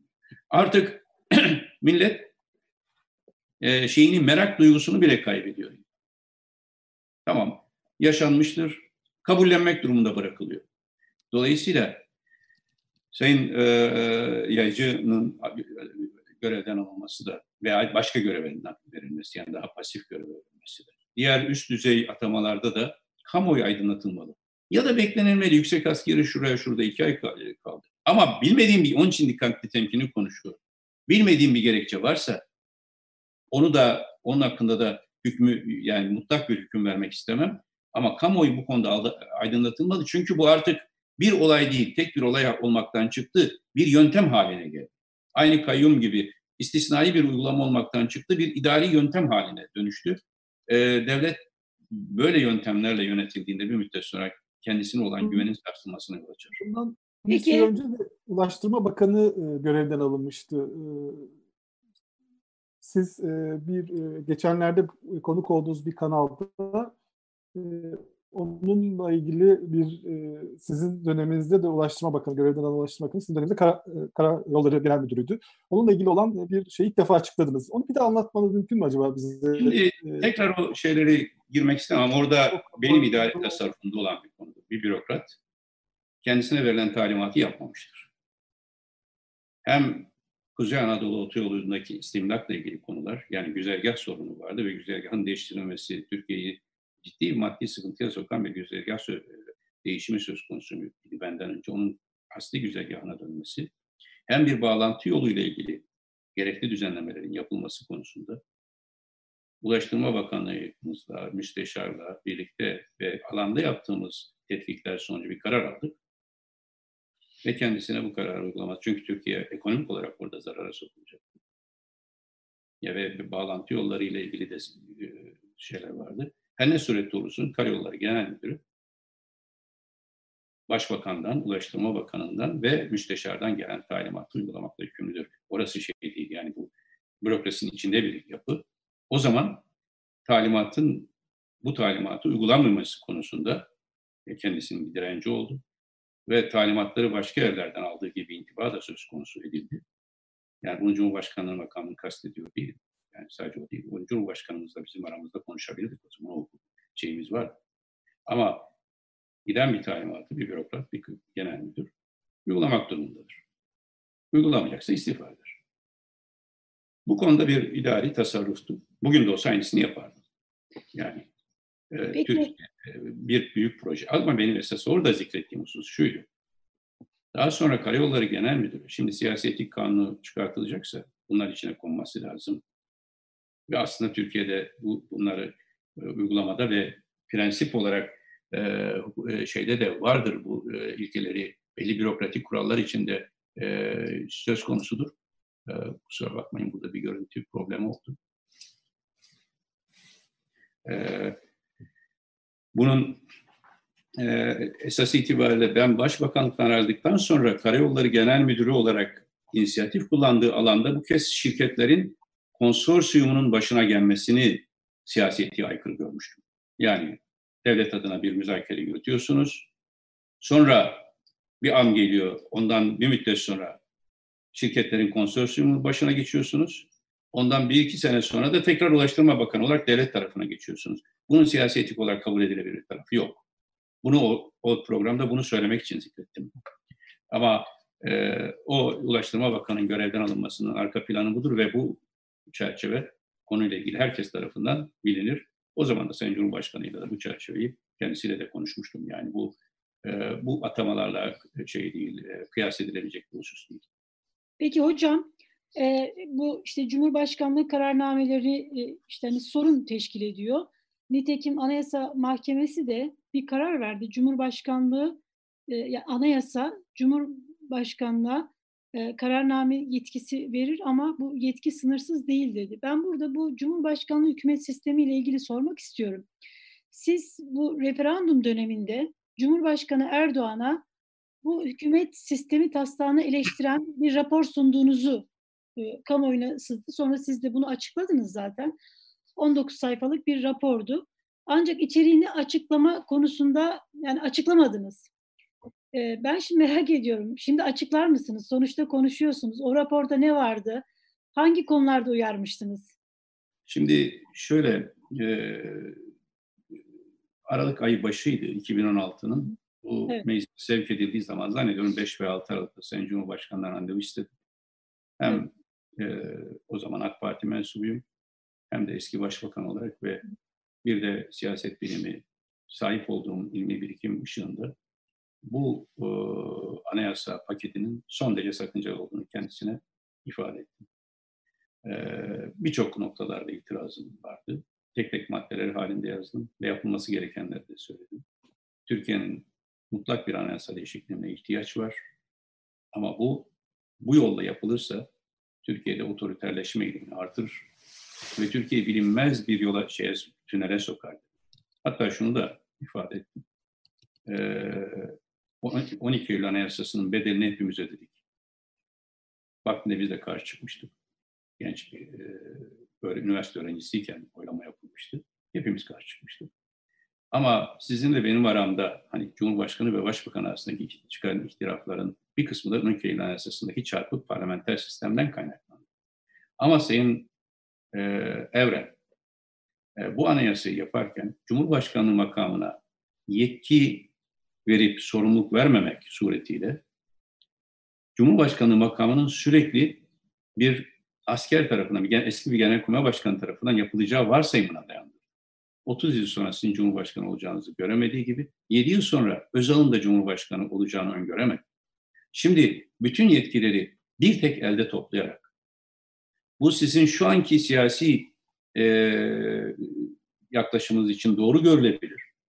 Ama Türkiye anayasa Türkiye'de e, ve herhangi bir ülkede bir dönem ve bir kişi için yapılmaz. Bir müddet sonra bu anayasal yetkinin nasıl kullanılacak konusunda kimse emin olamaz. gücü bu şekilde tekelle, bir ele almayın dedim ve daha arkasından gelen birçok e, itirazlarım vardı. Kuvvetler ayrılığı ilkesi bağlamında itirazlarım vardı. Cumhurbaşkanı yardımcısının seçilmemesi noktasında ciddi meşrutiyet, meşruiyet itirazım vardı. Bugün de söz konusudur bu itirazım. Şu anda e, Cumhurbaşkanı, Sayın Cumhurbaşkanı yurt dışına gittiğinde e, Sayın Cumhurbaşkanı yardımcısının ona vekalet etmesinin hukuki meşruiyeti anayasa ekleyip böyle geçtiği için gör, var gibi görünse de siyasal ve demokratik meşruiyeti yoktur. Çünkü şu anda Cumhurbaşkanı yardımcısı halk tarafından seçilen biri değil, halk tarafından seçilen, seçilmemiş birinin ise devletin başında bırakın 3-5 gün, Allah muhafaza eylesin bir vefat halinde 45 gün ülkeyi yönetmesi, bir gün bile yönetemez. Bir dakika bile duramaz. Demokrasilerde halk tarafından doğrudan seçilmemiş birinin devlet otoritesi kullanması ve devlet kurumlarına talimat vermesi kesinlikle meşru değildir. Kesinlikle meşru. Bunun tartışılır tarafı yok. Ve bunları söyledim. Tek tek. Mecliste bütçe çalışmalarında doğabilecek aksamaları söyledim. Cumhurbaşkanlığı kararnameleriyle meclis kanun, e, kanun yapımı arasındaki çelişkileri. Yani şu ana kadar da bu kişiye özel vermiş olduğum bir şey olduğu için daha sonra da birkaç kez bu şekilde raporlar verdim Sayın Cumhurbaşkanı. E, gerektiğinde tabii bunlar tarihi vesikadır. Bunlar gizli tutulmak için ifade edilen şeyler değil. Bunları açıklayabiliriz. Ama benim şu ana kadar sürdürdüğüm yaklaşım kendisine bunları ifade ettim. Kamuoyuna da daha sonra ifade ettim. Onun için de Cumhur e, referanduma kesinlikle e, kampanyalara katılmadım. Konya kampanyasında da hayır, e, e evet e, oyu verme konusunda halka te, e, telkinde bulunmadığım için ağır eleştirilere maruz kaldım. Ama şimdi o eleştirileri yapanlar gelip Sayın Başbakanım haklısınız, haklıymışsınız, keşke biz de bunu o zaman görebilseydik diyorlar. Elimden geleni yaptım Elif Hanım. Türkiye'de bu anayasal yapının, bu, bu, bu, böyle bir çarpıklığın yaşanmaması için elinden geleni yaptım. Olması gereken neydi? Madem ki başkanlık sistemi konusunda bir çaba ve mutabakat var, pür başkanlık sisteminin umdeleri olmalıydı. Partili Cumhurbaşkanlığına her zaman karşı çıktım. Şimdi karşı çıkıyorum, geçmişte de karşı çıktım. Partinin de doku, dokusu, do, dokusunu bozdu, devlet yapısının da dokusunu bozdu.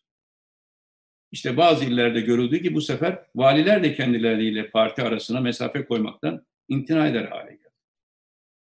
Bu olmaz. Bugün AK Parti için, yarın başka bir parti için geçerli olur. Bizim partilerle devletin bütün vatandaşlarını kuşatan yaklaşım arasına bir çizgi koymamız lazım. Cumhurbaşkanlığı makamıyla parti genel başkanının birleşmesi bu çizgiyi yok etti.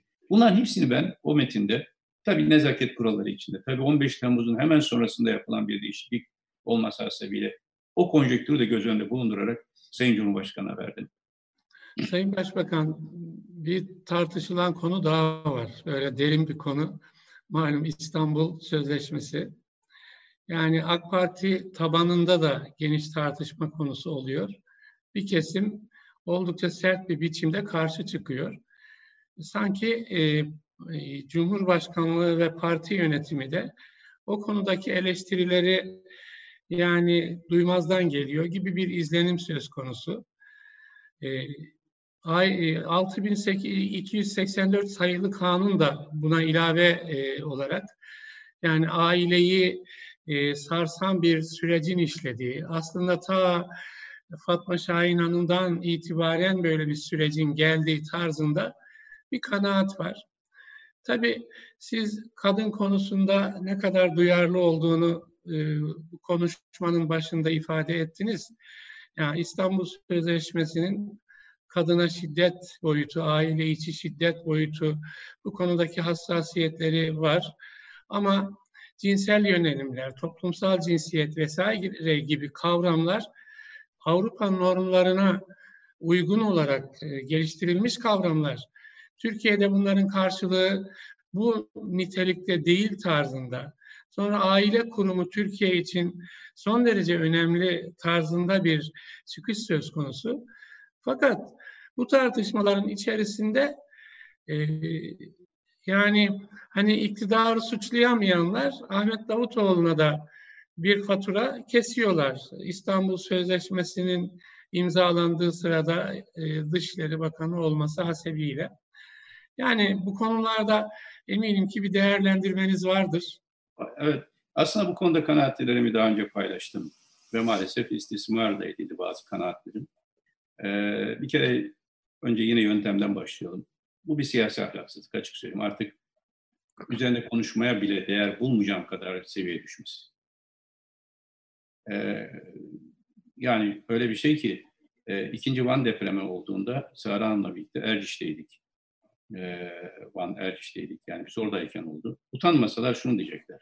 Davutoğlu Erciş'e o sırada gitmeseydi Van depremi olmayacaktı bile diyecekler yani. Bir o kaldı. Yani bir olumlu bir gelişme söz konusu ise tümüyle sahiplenme, bizim dış politikada yaptığımız bütün olumlu girişimleri, başarıları Sayın Cumhurbaşkanı ve AK Parti'ye hamletme.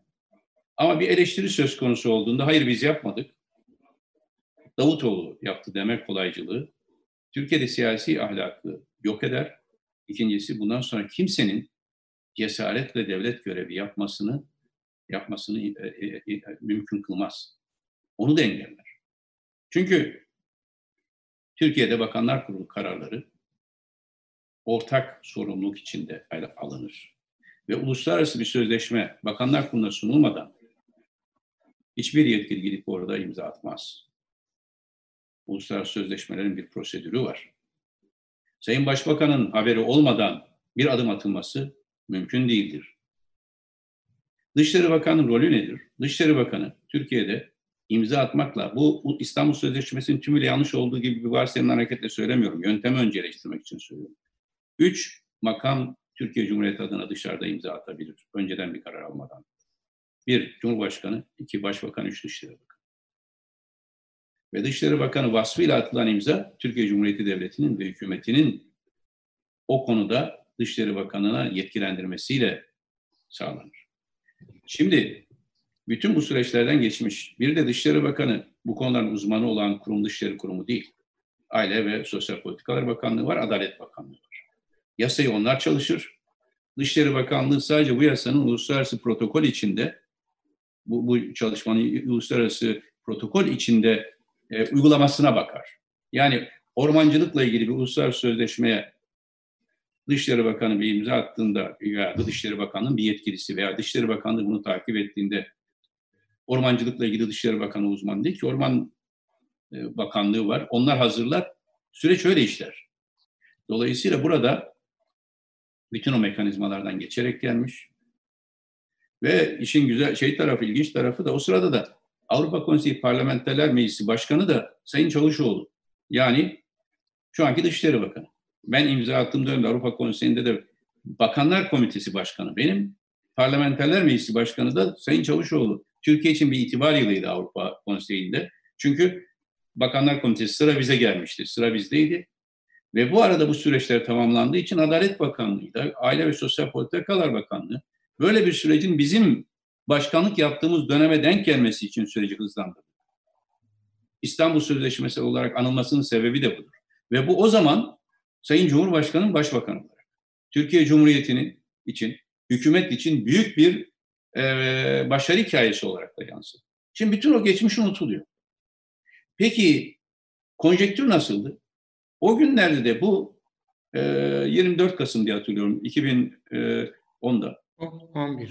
11 2010'da. Daha sonra da 2012 Mart'ında önce meclisten geçti. Sonra da yürürlüğe girdi. E, mecliste de mutabakatla geçti. Türkiye tarihinde ilk azdır. Muhalefetin hepsi oy verdi. Hepsi. Muhalefet de verdi, iktidar da verdi. Neden? Çünkü o günlerde bizim Ahmet Bey en önemli hatamız ne biliyor musunuz? Çok konjektürel düşünmeye başladık son dönemde. Bir konjektür ortaya çıkıyor. Bir anda bir konuda herkes mobilize oluyor ve bir karar alınıyor. Sonra o konjektürün dışında bir konjektür oluşuyor. Bir anda herkes farklı bir pozisyon belirliyor. O günlerde Türkiye'de kadın cinayetleri o kadar yan, can yakıcı bir konuydu ki kimse bunu tartışmaya bile gerek görmedi ve süreç hızla yürüdü ve ittifakla yürüdü. Çünkü sözleşmenin adı İstanbul Sözleşmesi de sözleşmesinin tam adı aslında kadına karşı şiddetle ilgili sözleşme. Yani sözleşmenin içindeki kavramların tümü kadına karşı şiddet bağlamında yorumlanması gereken kavramlar. Sözleşmenin ana başlığı kadına karşı şiddet konusunda Avrupa Sözleşmesi. Dolayısıyla alttaki içindeki umdeler ona göre yorumlanır. Şimdi hal böyleyken ben şunu şimdi söylüyorum. Kadına karşı, çocuğa karşı, ev içinde şiddet, ev dışında her türlü şiddete karşı her sözleşmeyi ben desteklerim. Bunu da utanılacak bir şey gibi görmesini doğru da görmem. Sayın Cumhurbaşkanı'nın şimdi ilginç bir şeyi gelişti son dönemde. Kendi döneminde yapılan işlerle ilgili kenara çekiliyor ve tartışmayı izliyor. Sanki o dönem onun döneminde olmamış gibi. Bu arada en kolay saldırılabilecek kim? Şimdi bütün bu suçlamaları yöneten camia şey yapıyorum. Ben başbakanken niye bu suçlamaları yapamıyordunuz, yapmıyordunuz? Veya şimdi ben başbakan değil, Yüksek İstişare Kurulu üyesi olsam dahi yapar mıydınız? Yapmazdınız. Başka gerekçelere bulundunuz. Şu anda bana yöneltilen, yöneltilmesinin sebebi benim oradaki rolümden veya e, muhtevadan ile ilgili değil. Benim bugünkü siyasal rolümle ilgilidir. Beni yıpratmak için hangi gerekçeyi bulacağız diye bakıyorlar. Şu gerekçeyi bulalım, saldıralım diyorlar. Cumhurbaşkanı da susuyor ve saldırılmasına izin veriyor. Hatta belki memnun oluyor. Ama bir kere yaparsınız bunu, iki kere yaparsınız. Bir müddet sonra her şeyi kontrol eden o güçlü lider motifiniz zedelenir. Neden? Çünkü o dönemde niye o zaman bundan bir haber? Bu doğru bir şey değil, siyaseten yapılması gereken bir şey değil. Ben hayatımda sorumluluk üstlendiğim bir konuda ortaya çıkmaktan çekinmedim. O yüzden birçok saldırı bize geliyor. Ee, şu anda mesela hangi dış politika konusunda, yani Sayın Çavuşoğlu'nu kastetmiyorum sadece, başkası olsa da fark etmezdi. Dışişleri Bakanı sorumlu görülüyor. Görülmüyor çünkü sorumlu o sorumlu üstlenecek bir makamın şeyi altında görünüyor. Halbuki devlet adamı gerekten sorumluluk alan adamdır, insandır. Ben Suriye birçok konuda o gün Sayın Başbakanı bazen de koruması ilgili. Hükümetin birisi risk alacaksa bakan önce almalı. Düşüncesiyle öne çıktım. Kriz yönettim. Eleştiriye muhatap oldum. Başarıları başkalarına takdim ederken kendim öne çıkmamaya da bazen özen gösterdim. Ama şimdi bütün bu yıllardan sonra yapılan siyasi olarak kesinlikle kabul edilebilir bir şey değil. Sayın Cumhurbaşkanı şimdi çıkıp bu konuda da net bir tavır sergilemesi lazım. Ayrıca Ama... yanlış idiyse şu anda iktidarda e, 4 yıldır da benim bir dahlim de yok. Ne yanlış varsa değiştirsinler. Ellerini tutan mı var? Yani bizden bir engel olabilecek gücümüz de yok. Ama şu sebeple bazen güçsüz gibi görünen insanların aslında yani elinden de gücü olmamış gibi görünen insanların vicdani gücü muktedilerin gücünden daha ağır şu anda bana bu kadar haksız saldırıların yapılıyor olması emin olun kamu vicdanını, vicdan sahibi insanları her gün hem üzüyor ama bir taraftan da uyandırıyor. Demek ki diyorlar daha önceki suç suçlamalarında karşılıyormuş. Peki sözleşmeden kaynaklanmıyor. Uygulamadaki problemler sözleşmeden çoğu sözleşmeden kaynaklanmıyor. Sözleşme bir çerçeve çizer size. ilkeler koyar. O ilkelerin hiçbirinde de bugün söylenen şeylerin böyle meşru kılındığı gibi bir husus yok. Nerede sıkıntı oluyor uygulamada? 6284 sayılı yasada. Yani 20 Mart 2012'de çıkan yasa. O yasa yanlış uygulanıyorsa o yasada benim hiçbir dahlim yok Dışişleri Bakanı olarak. Zaten olması da mümkün değil. Ben o Mart 2012'de dünyada birçok başka meselelerle ilgileniyordum. Türkiye'de o yasayı çıkaran Aile Sosyal Politikalar Bakanı, Adalet Bakanı'dır. İşin ilginci o arkadaşlar da susuyor. O gün büyük bir başarı hikayesi olarak sahiplendikleri yasaya sahip çıkmıyorlar. O yasada benim virgül nispetinde şeyim yok, katkım yok. Yani olamazdı da hani bu, bunu bir suç gibi gördüğümden söylemiyorum. Süreç gereği olamazdı. O yasa da ama bakanlar kullan geçtiği için ben o yasanın içinde de bütün bakanların sorumlu olduğu kanaatindeyim. Başta başbakanın sorumlu. Bu o kadar ucuzculuk ki bu ucuzculukla siyaset yapılmaz. Bu ucuzculukla devlet de yönetilmez, vicdan da inşa edilmez. Dolayısıyla 6284 sayılı yasada uygulamada hatalar varsa getirirsiniz yeni bir yasa düzeltirsiniz. Bu zor bir şey değil ki. Gündemde tutmazsınız bunu. Bunu gündemde tutarak bir suçlu gösterip onu onu siyaseten yıpratmak için bunu kullanma, kullanırsanız ki öyle oluyor maalesef bugün. Bu müddet sonra bumerang gibi döner sizi vurur. E, çağrımız açık. Varsa bir aksaklık yapın yasal düzenlemeleri. Bu şey üzerinden bir yıpratma kampanyasına dönüştürmemek lazım. Evet. Bunu hocam konuştuk, anladık bu konuda. Ee, bayağı bir, bir buçuk saattir konuşuyoruz ama ülkenin en önemli sorunu ekonomi üzerine hiç konuşmadık. Ee, Türkiye geçen hafta e, çok e, sert bir döviz yükselmesi, dolarda yükselme yaşandı, bir kriz e, şeyi vardı. Şimdi biraz 7'nin altına düşmesi bile iyi gelişme olarak görülüyor. Geçen hafta tabii bu döviz doların yükselmesi Londra'daki finans çevrelerinin Türkiye'ye saldırısı olarak yorumlanırken bir taraftan da bazı ülkelerin e, merkez bankalarıyla swap anlaşmaları e, yapılmaya çalışıldı. bu konuda bir takım haberler çıktı. Tam sonucu da bilmiyoruz. Belki bu konuda bizi aydınlatabilirsiniz. Bir de bazı kısıtlamalar, yasaklara başvurulduğu görülüyor. Özellikle Türk lirasının konvertibilitesine ve zarar verebileceği yönünde eleştiriler var. Bu meseleyi hakkında siz ne düşünüyorsunuz? Yani hem kullanılan yöntem hem e, bu e, yurt dışı işte finans çevrelerinin saldırısı söylemi.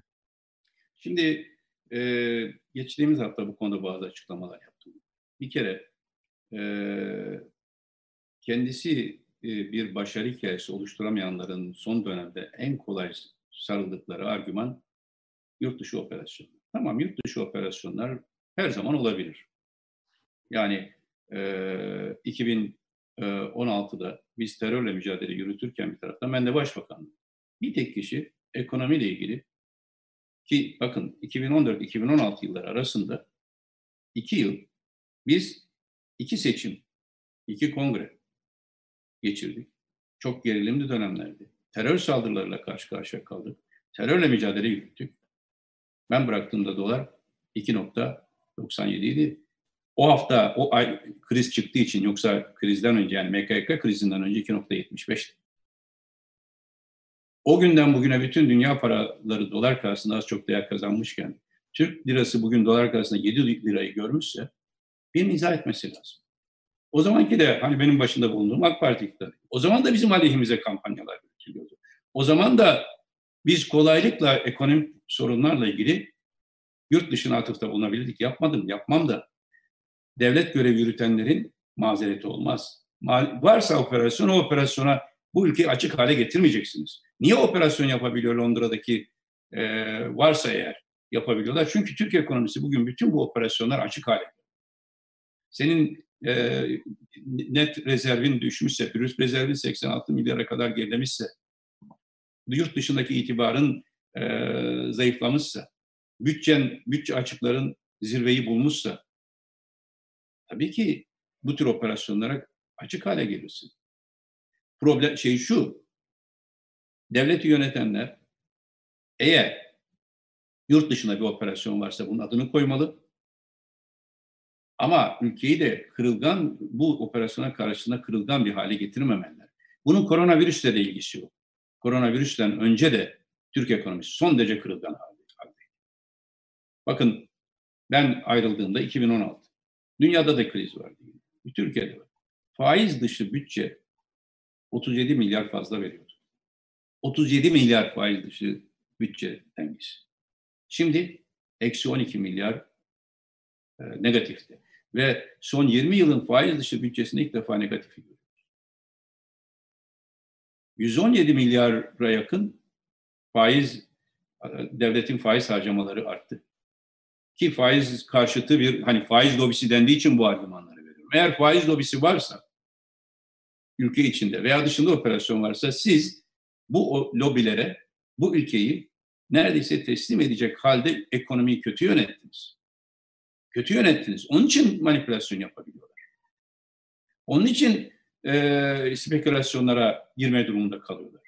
Şimdi öyle bir komedi ki IMF bir Türkiye'de son derece olumsuz bir algısı olduğu için IMF ile görüşmüyoruz diyorlar. Ama IMF'den yürüme mesafesiyle 10 dakika ötedeki Amerikan Merkez Bankası'ndan swap işlemleri için kapıda bekliyorlar. Ve kabul edilmiyorlar. Bakın swap işlemleri konusunda son dönemde Türkiye'nin girişimlerinin neticesiz kalmasının sebeplerinden birisi Türk ekonomisinin bu kadar kırılgan hale gelmesi. Yurt dışındaki yatırımcı kendini teminat altına almak ister. Kendisini zarara sokacak şekilde Türkiye'yi de zarar, e, şey yapmak, Türk ekonomisine zarara verdiğinde kendisi de zarar görecekse niye öyle bir operasyona gitsin? Bunlar çok kolaycı yöntemler. Hep şimdi ekonomi yönetiminin e, e, dosyaları önüne alıp bütün bir muhasebeden tekrar bir e, e, değerlendirmeden geçirme sorumluluğu var. Yoksa e, ortaklarının başarılı bulmasıyla e, yurt dışı e, operasyonlar üzerinden hamasi nutuklarla Türk ekonomisi düzene girmez. Tekrar uyarıyorum, dün yine bu konuda bir açıklama yaptım. Koronavirüs sonrasında ekonominin daha da kırılgan hale gelmesi söz konusu olacak. Mazeret bulmak yerine ülkeyi, ekonomiyi düzgün bir şekilde yönetmenin yollarını bulması lazım. Biz 2001'de e, ki o zaman Sayın Bahçeli Başbakan Yardımcısıydı. Kemal Derviş o zaman geldi Türkiye. Yani şimdi eleştirenleri Kemal Derviş mantığıyla suçladığınız zaman bir tutarsızlık olur. O zaman biz muhalefette olan aydınlar olarak yani iktidara karşı Sayın Erdoğan da siyaset içinde bu tür yurt dışı argümanları başarısız yönetimin gerekçelendirmesi olarak görüp değerlendirip eleştiriyordu. Öncelikle Türkiye'yi ve Türk ekonomisini bu tür yurt dışı operasyonlar iddiasına dahi e, zemin teşkil edecek kırılganlıktan çıkarmak lazım. O kırılganlığı siz düşürdünüz. 2016'da niye yapılmıyordu? Biz niye böyle bir argüman kullanmayı ihtiyacı hissetmiyorduk? Bütün zor şartlarda. Hiçbir yerde benim böyle ağzımdan böyle bir şey çıkmadı. Çünkü ülkeyi biz yönetiyoruz. Yönettiğiniz zaman o e, o operasyonları durdurma görevi de size ait. O zor şartlarda bir tek kişi çıksın bizim ekonomik e, göstergelerimizle ilgili bu tür argümanlara sığındığımızı göstersin. Hangi gösterge alırsanız alın Türk ekonomisi 4 yıl içinde çökertilmiştir. Çünkü israf vardır. Çünkü ihaleler düzgün yapılmamıştır. Çünkü yolsuzluklar üzerinden çok ciddi kaynak e, aktarımları, sermaye aktarımları yapılmıştır. Ve ülke ekonomisi dumura uğratılmıştır. Bakın 2016'da e, biz Ocak ayında yeni hükümet olarak enflasyona, e, e, şey, asgari ücrete yüzde otuz zam yaptık. Enflasyon yüzde altı buçuktu o zaman. Yani beş misli zam yaptık. Beş misli. Enflasyonun beş misli asgari ücrete zam yaptık. Ve görece olarak son 20-30 yılın en yüksek zammını verdik. Ve asgari ücretlerin e, durumlarını e, iyileştirdik göreceli olarak. Şimdi ise geldiğimiz noktaya bakın enflasyon yüzde 12.7. Dünyada enflasyon yüzde birlerde, ikilerde dolaşırken en fazla üçleri görürken Türkiye'de yüzde 12.7. Ve enflasyon rakamlarına kimsenin de güveni kalmadı. Rakamlarla, istatistiklerle oynayarak ya da yurt dışı operasyonlar üzerinden e, ekonomiyi iyi e, e, e, kendinizi kurtarmaya çalışırsanız bir müddet sonra o argümanlar tükendiğinde işsiz kalan çok geniş halk kitleleri kitlelerini karşınızda bulursunuz. Şimdiden tedbir almaları ve bu argümanların arkasına sığınmadan çözüm önerilerimizi dikkatle ele almalıdır. Dikkat edin Gelecek Partisi olarak bütün bu süreçte ekonomi e, alanında da en kapsamlı çözüm önerileri sunduk. İnşallah yeni bir uygulama başlatacağız. Buradan da duyurayım. Aslında geçen hafta başlatmayı düşünüyorduk ama biraz da koronavirüs etkisi, bu karantina etkisi azalsın diye düşündük. Yani cuma günü başlatalım diyorduk. Sokağa çıkma yasağı ve gündem farklı olduğu için. Ramazan bayramından sonra her ay e, mümkünse 15'inde değilse bir, ikinci hafta içinde e, e, ekonomi heyetimizle birlikte Türk ekonomisinin geleceği ve çözüm önerileri bağlamında her ay değerlendirme yapacağız ve rapor hazırlayacağız. Tek tek Yıldıray Bey bütün bakanlıkları takip ediyoruz. Her gün sabah bütün bakanlıklarda neler olduğu ile ilgili, neler yapıldığı ile ilgili ve neler yapmamız gerektiği ile ilgili gölge kabini olarak tanımladı, tanımlanan politika izleme kurumumuzdan teklifler geliyor. Ve son derece e, tecrübeli bir ekonomi ekibimiz var. Zaten son bir ay içinde Gelecek Partisi'nin yaptığı en önemli farklardan, gösterdiği farklardan birisi bu e, konulardaki çözüm önerileridir. Hem devlet tecrübesine sahip arkadaşlarımız var, hem piyasa tecrübesini çok yakından bilen arkadaşlarımız var. E, bundan sonra da ekonomi yakın takibe devam edeceğiz inşallah. Peki programı yavaş yavaş bağlamamız gerekiyor, bitirmemiz gerekiyor. Bugün gazetemizin manşeti. E, biliyorsunuz kulüplerde pik yapan vakalara rağmen ısrarla 12 Haziran'da ligleri başlatma kararı alındı. Ne diyorsunuz? Yani biraz böyle evet vaka sayılarında düşüş var, ölüm sayılarında da düşüş var. Ama dünya daha temkinli. biraz böyle hızlı mı normalleşiyoruz? Şimdi normalleşme tabiri güzel, bunu duymak da güzel. Vakaların azalması da güzel. Ama öyle bir süreç ki bu her an geri dönebiliyor. İşte Japonya'da, Güney Kore'de biraz gevşeme olunca tekrar bir ikinci dalga riski ortaya çıktı. Ve dünyada herkes şimdi ikinci dalga riskinden tedirgin. Ligler konusunda 11 Mart'ta e, ilk koronavirüs davası görüldükten hemen sonra ilk açıklamayı biz yaptık. Ligler ertelenmeli dedik. Maalesef ertelemek yerine seyircisiz oynatmayı tercih ettiler. Ta ki Fatih Terim hastalanıp da Allah şifa versin bütün sporcularımıza, spor insanlarımıza hastalanıp da tablo böyle bütün gerçekliği yüzünü e, ortaya çıkana kadar.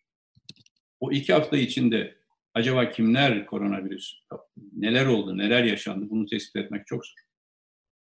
Sonra bizim dediğimiz yere geldiler. Ligler ertelendi. Liglerin tekrar başlatılması söz konusu olduğunda böyle bir şey gündeme geldiği anda biz bir açıklama yaptık. Daha 12 Haziran tarihi yoktu. Ve dedik ki şimdi liglerin başlatılması doğru değil. Bilim kurulu önce çıksın ve desin ki çünkü spor camiası haklı olarak herkesin bir hesabı var. Yani ben bunu da yanlış görmem. Kimisi şampiyon olmak istiyor, kimisi şampiyonluk primi alacak, spor toto gelirleri var, iddia gelirleri var. Bir, bir orada bir ciddi, çok büyük bir ekonomik sektör var. O sektörün içinden birilerinin çıkıp da ligler ertelensin demesi zor, mümkün değil. Futbol Federasyonu Başkanı da işte şimdi çelişkili açıklamalar yapıyor. O da diyemez. Kolay değil. Ne zaman bunu dersiniz? Bir bilim kurulu çıkar, der ki evet Türkiye'de artık liglerin oynatılmasında bir sakınca yoktur der. Argümanınız güçlenir. Sakınca vardır der. Bu sefer de o büyük sektör, bu e, e, ekonomik sektörün herhangi birini suçlama şansı ortadan kalkar. Onun için biz dedik ki bilim kuruluna bırakın bu kararı. Bilim kurulu artık buna böyle buna oynanabilir derse modelini konuşalım. Ama daha Futbol Federasyonu Başkanı açıklama yaptı. Sağlık Bakanı aynı gün o açıklamayla arasına mesafe koydu. Yok dedi biz bu kararda bizim rolümüz yok. Çünkü biliyor doğabilecek sakıncalar. Bu sefer ikinci aşama. Bilim kurulu oynanabilir dediği zaman ise biz dedik ki şöyle bir yöntem uygulayın. Mümkün olan en genç, en geç vakitte yani bu yaz içinde hastalığın trendine göre en geç vakitte bir ilde veya en fazla iki ilde yoğunlaştırılmış bir şekilde bir hafta veya iki haftada bütün maçları bitirin. Yani güzel doğru yer Antalya'dır. Çok sayıda otel var. Modeli de anlatayım. Şimdiye kadar biz bütün bu korona tahlili dahil hiçbir şeyi modelleştirmeden kamuoyuyla paylaşmadık. Bütün kulüpleri Antalya'da alacaksınız. Her bir otele bir kulüp konucu. İzolasyon şartları altında kalacaklar. Ve maçları 2-3 gün aralıklarla oynatacaksınız böyle hafta sonu değil sadece. Ve maçı şey sezonu bitireceksiniz. Bunu da bu yazın en son noktası neresiyse o zamana getirin. Ve o zamana kadar da trendi gözleyin. Bu olmuş olsa 10 gün 15 gün içinde minimum katılımla maçlar oynanabilir. Ama siz şimdi dikkat edin. Bu 12 Haziran sırrı nedir bilemiyorum. 12 Haziran'da ligler başlıyor. Diyanet İşleri Başkanlığı yanılmıyorsam 12 Haziran'da cami, cuma namazı kılınabileceğine dair bir açıklama yaptı. Şimdi 12 Haziran'da nasıl bir şey bekleniyor, o günün bir ehemmiyeti var mı bilemem. Ama eğer AVM'ler bir hafta önce kaç 20 15 Mayıs mıydı? 16 neyse Mayıs'ın ortasında açılıyor ise AVM'lerde olmayan risk camilerde nasıl oluyor? Yani Ramazan'da bir cuma namazı eğer AVM'lerde bulunması risk taşımıyorsa bir cuma namazını son Ramazan'da sosyal mesafede özen göstererek bir cuma namazı kılınabilirdi. Hayır onu yıkılmıyorsunuz iki hafta sonra ama bütün camilerin bütün ibadete açık hale gelebileceğini öngörüyorsunuz. Ya da bütün liglerin oynanabileceğini öngörüyorsunuz. Bunlar demin söylediğim konjektürel kararların bir yeni versiyonları tabiri caizse. Bizim şimdi liglerle ilgili e, dikkat ederseniz tarih yaklaştıkça göreceksiniz bizim dediğimiz yere gelecekler. Tarih yaklaştıkça sorumluluk almaktan kork- korkacakları için Muhtemelen şimdi yavaş yavaş e, Futbol Federasyonu Başkanı tarih değişebilir demeye başladı. So, e, yaklaştıkça diyecekler ki bunu Temmuz'a hatta Ağustos'a alalım. O zamana kadar da bir düşünelim diyecekler. Ama bu güven kaybına yol açıyor. En başta söyleyin. İşte üniversite YKS sınavı.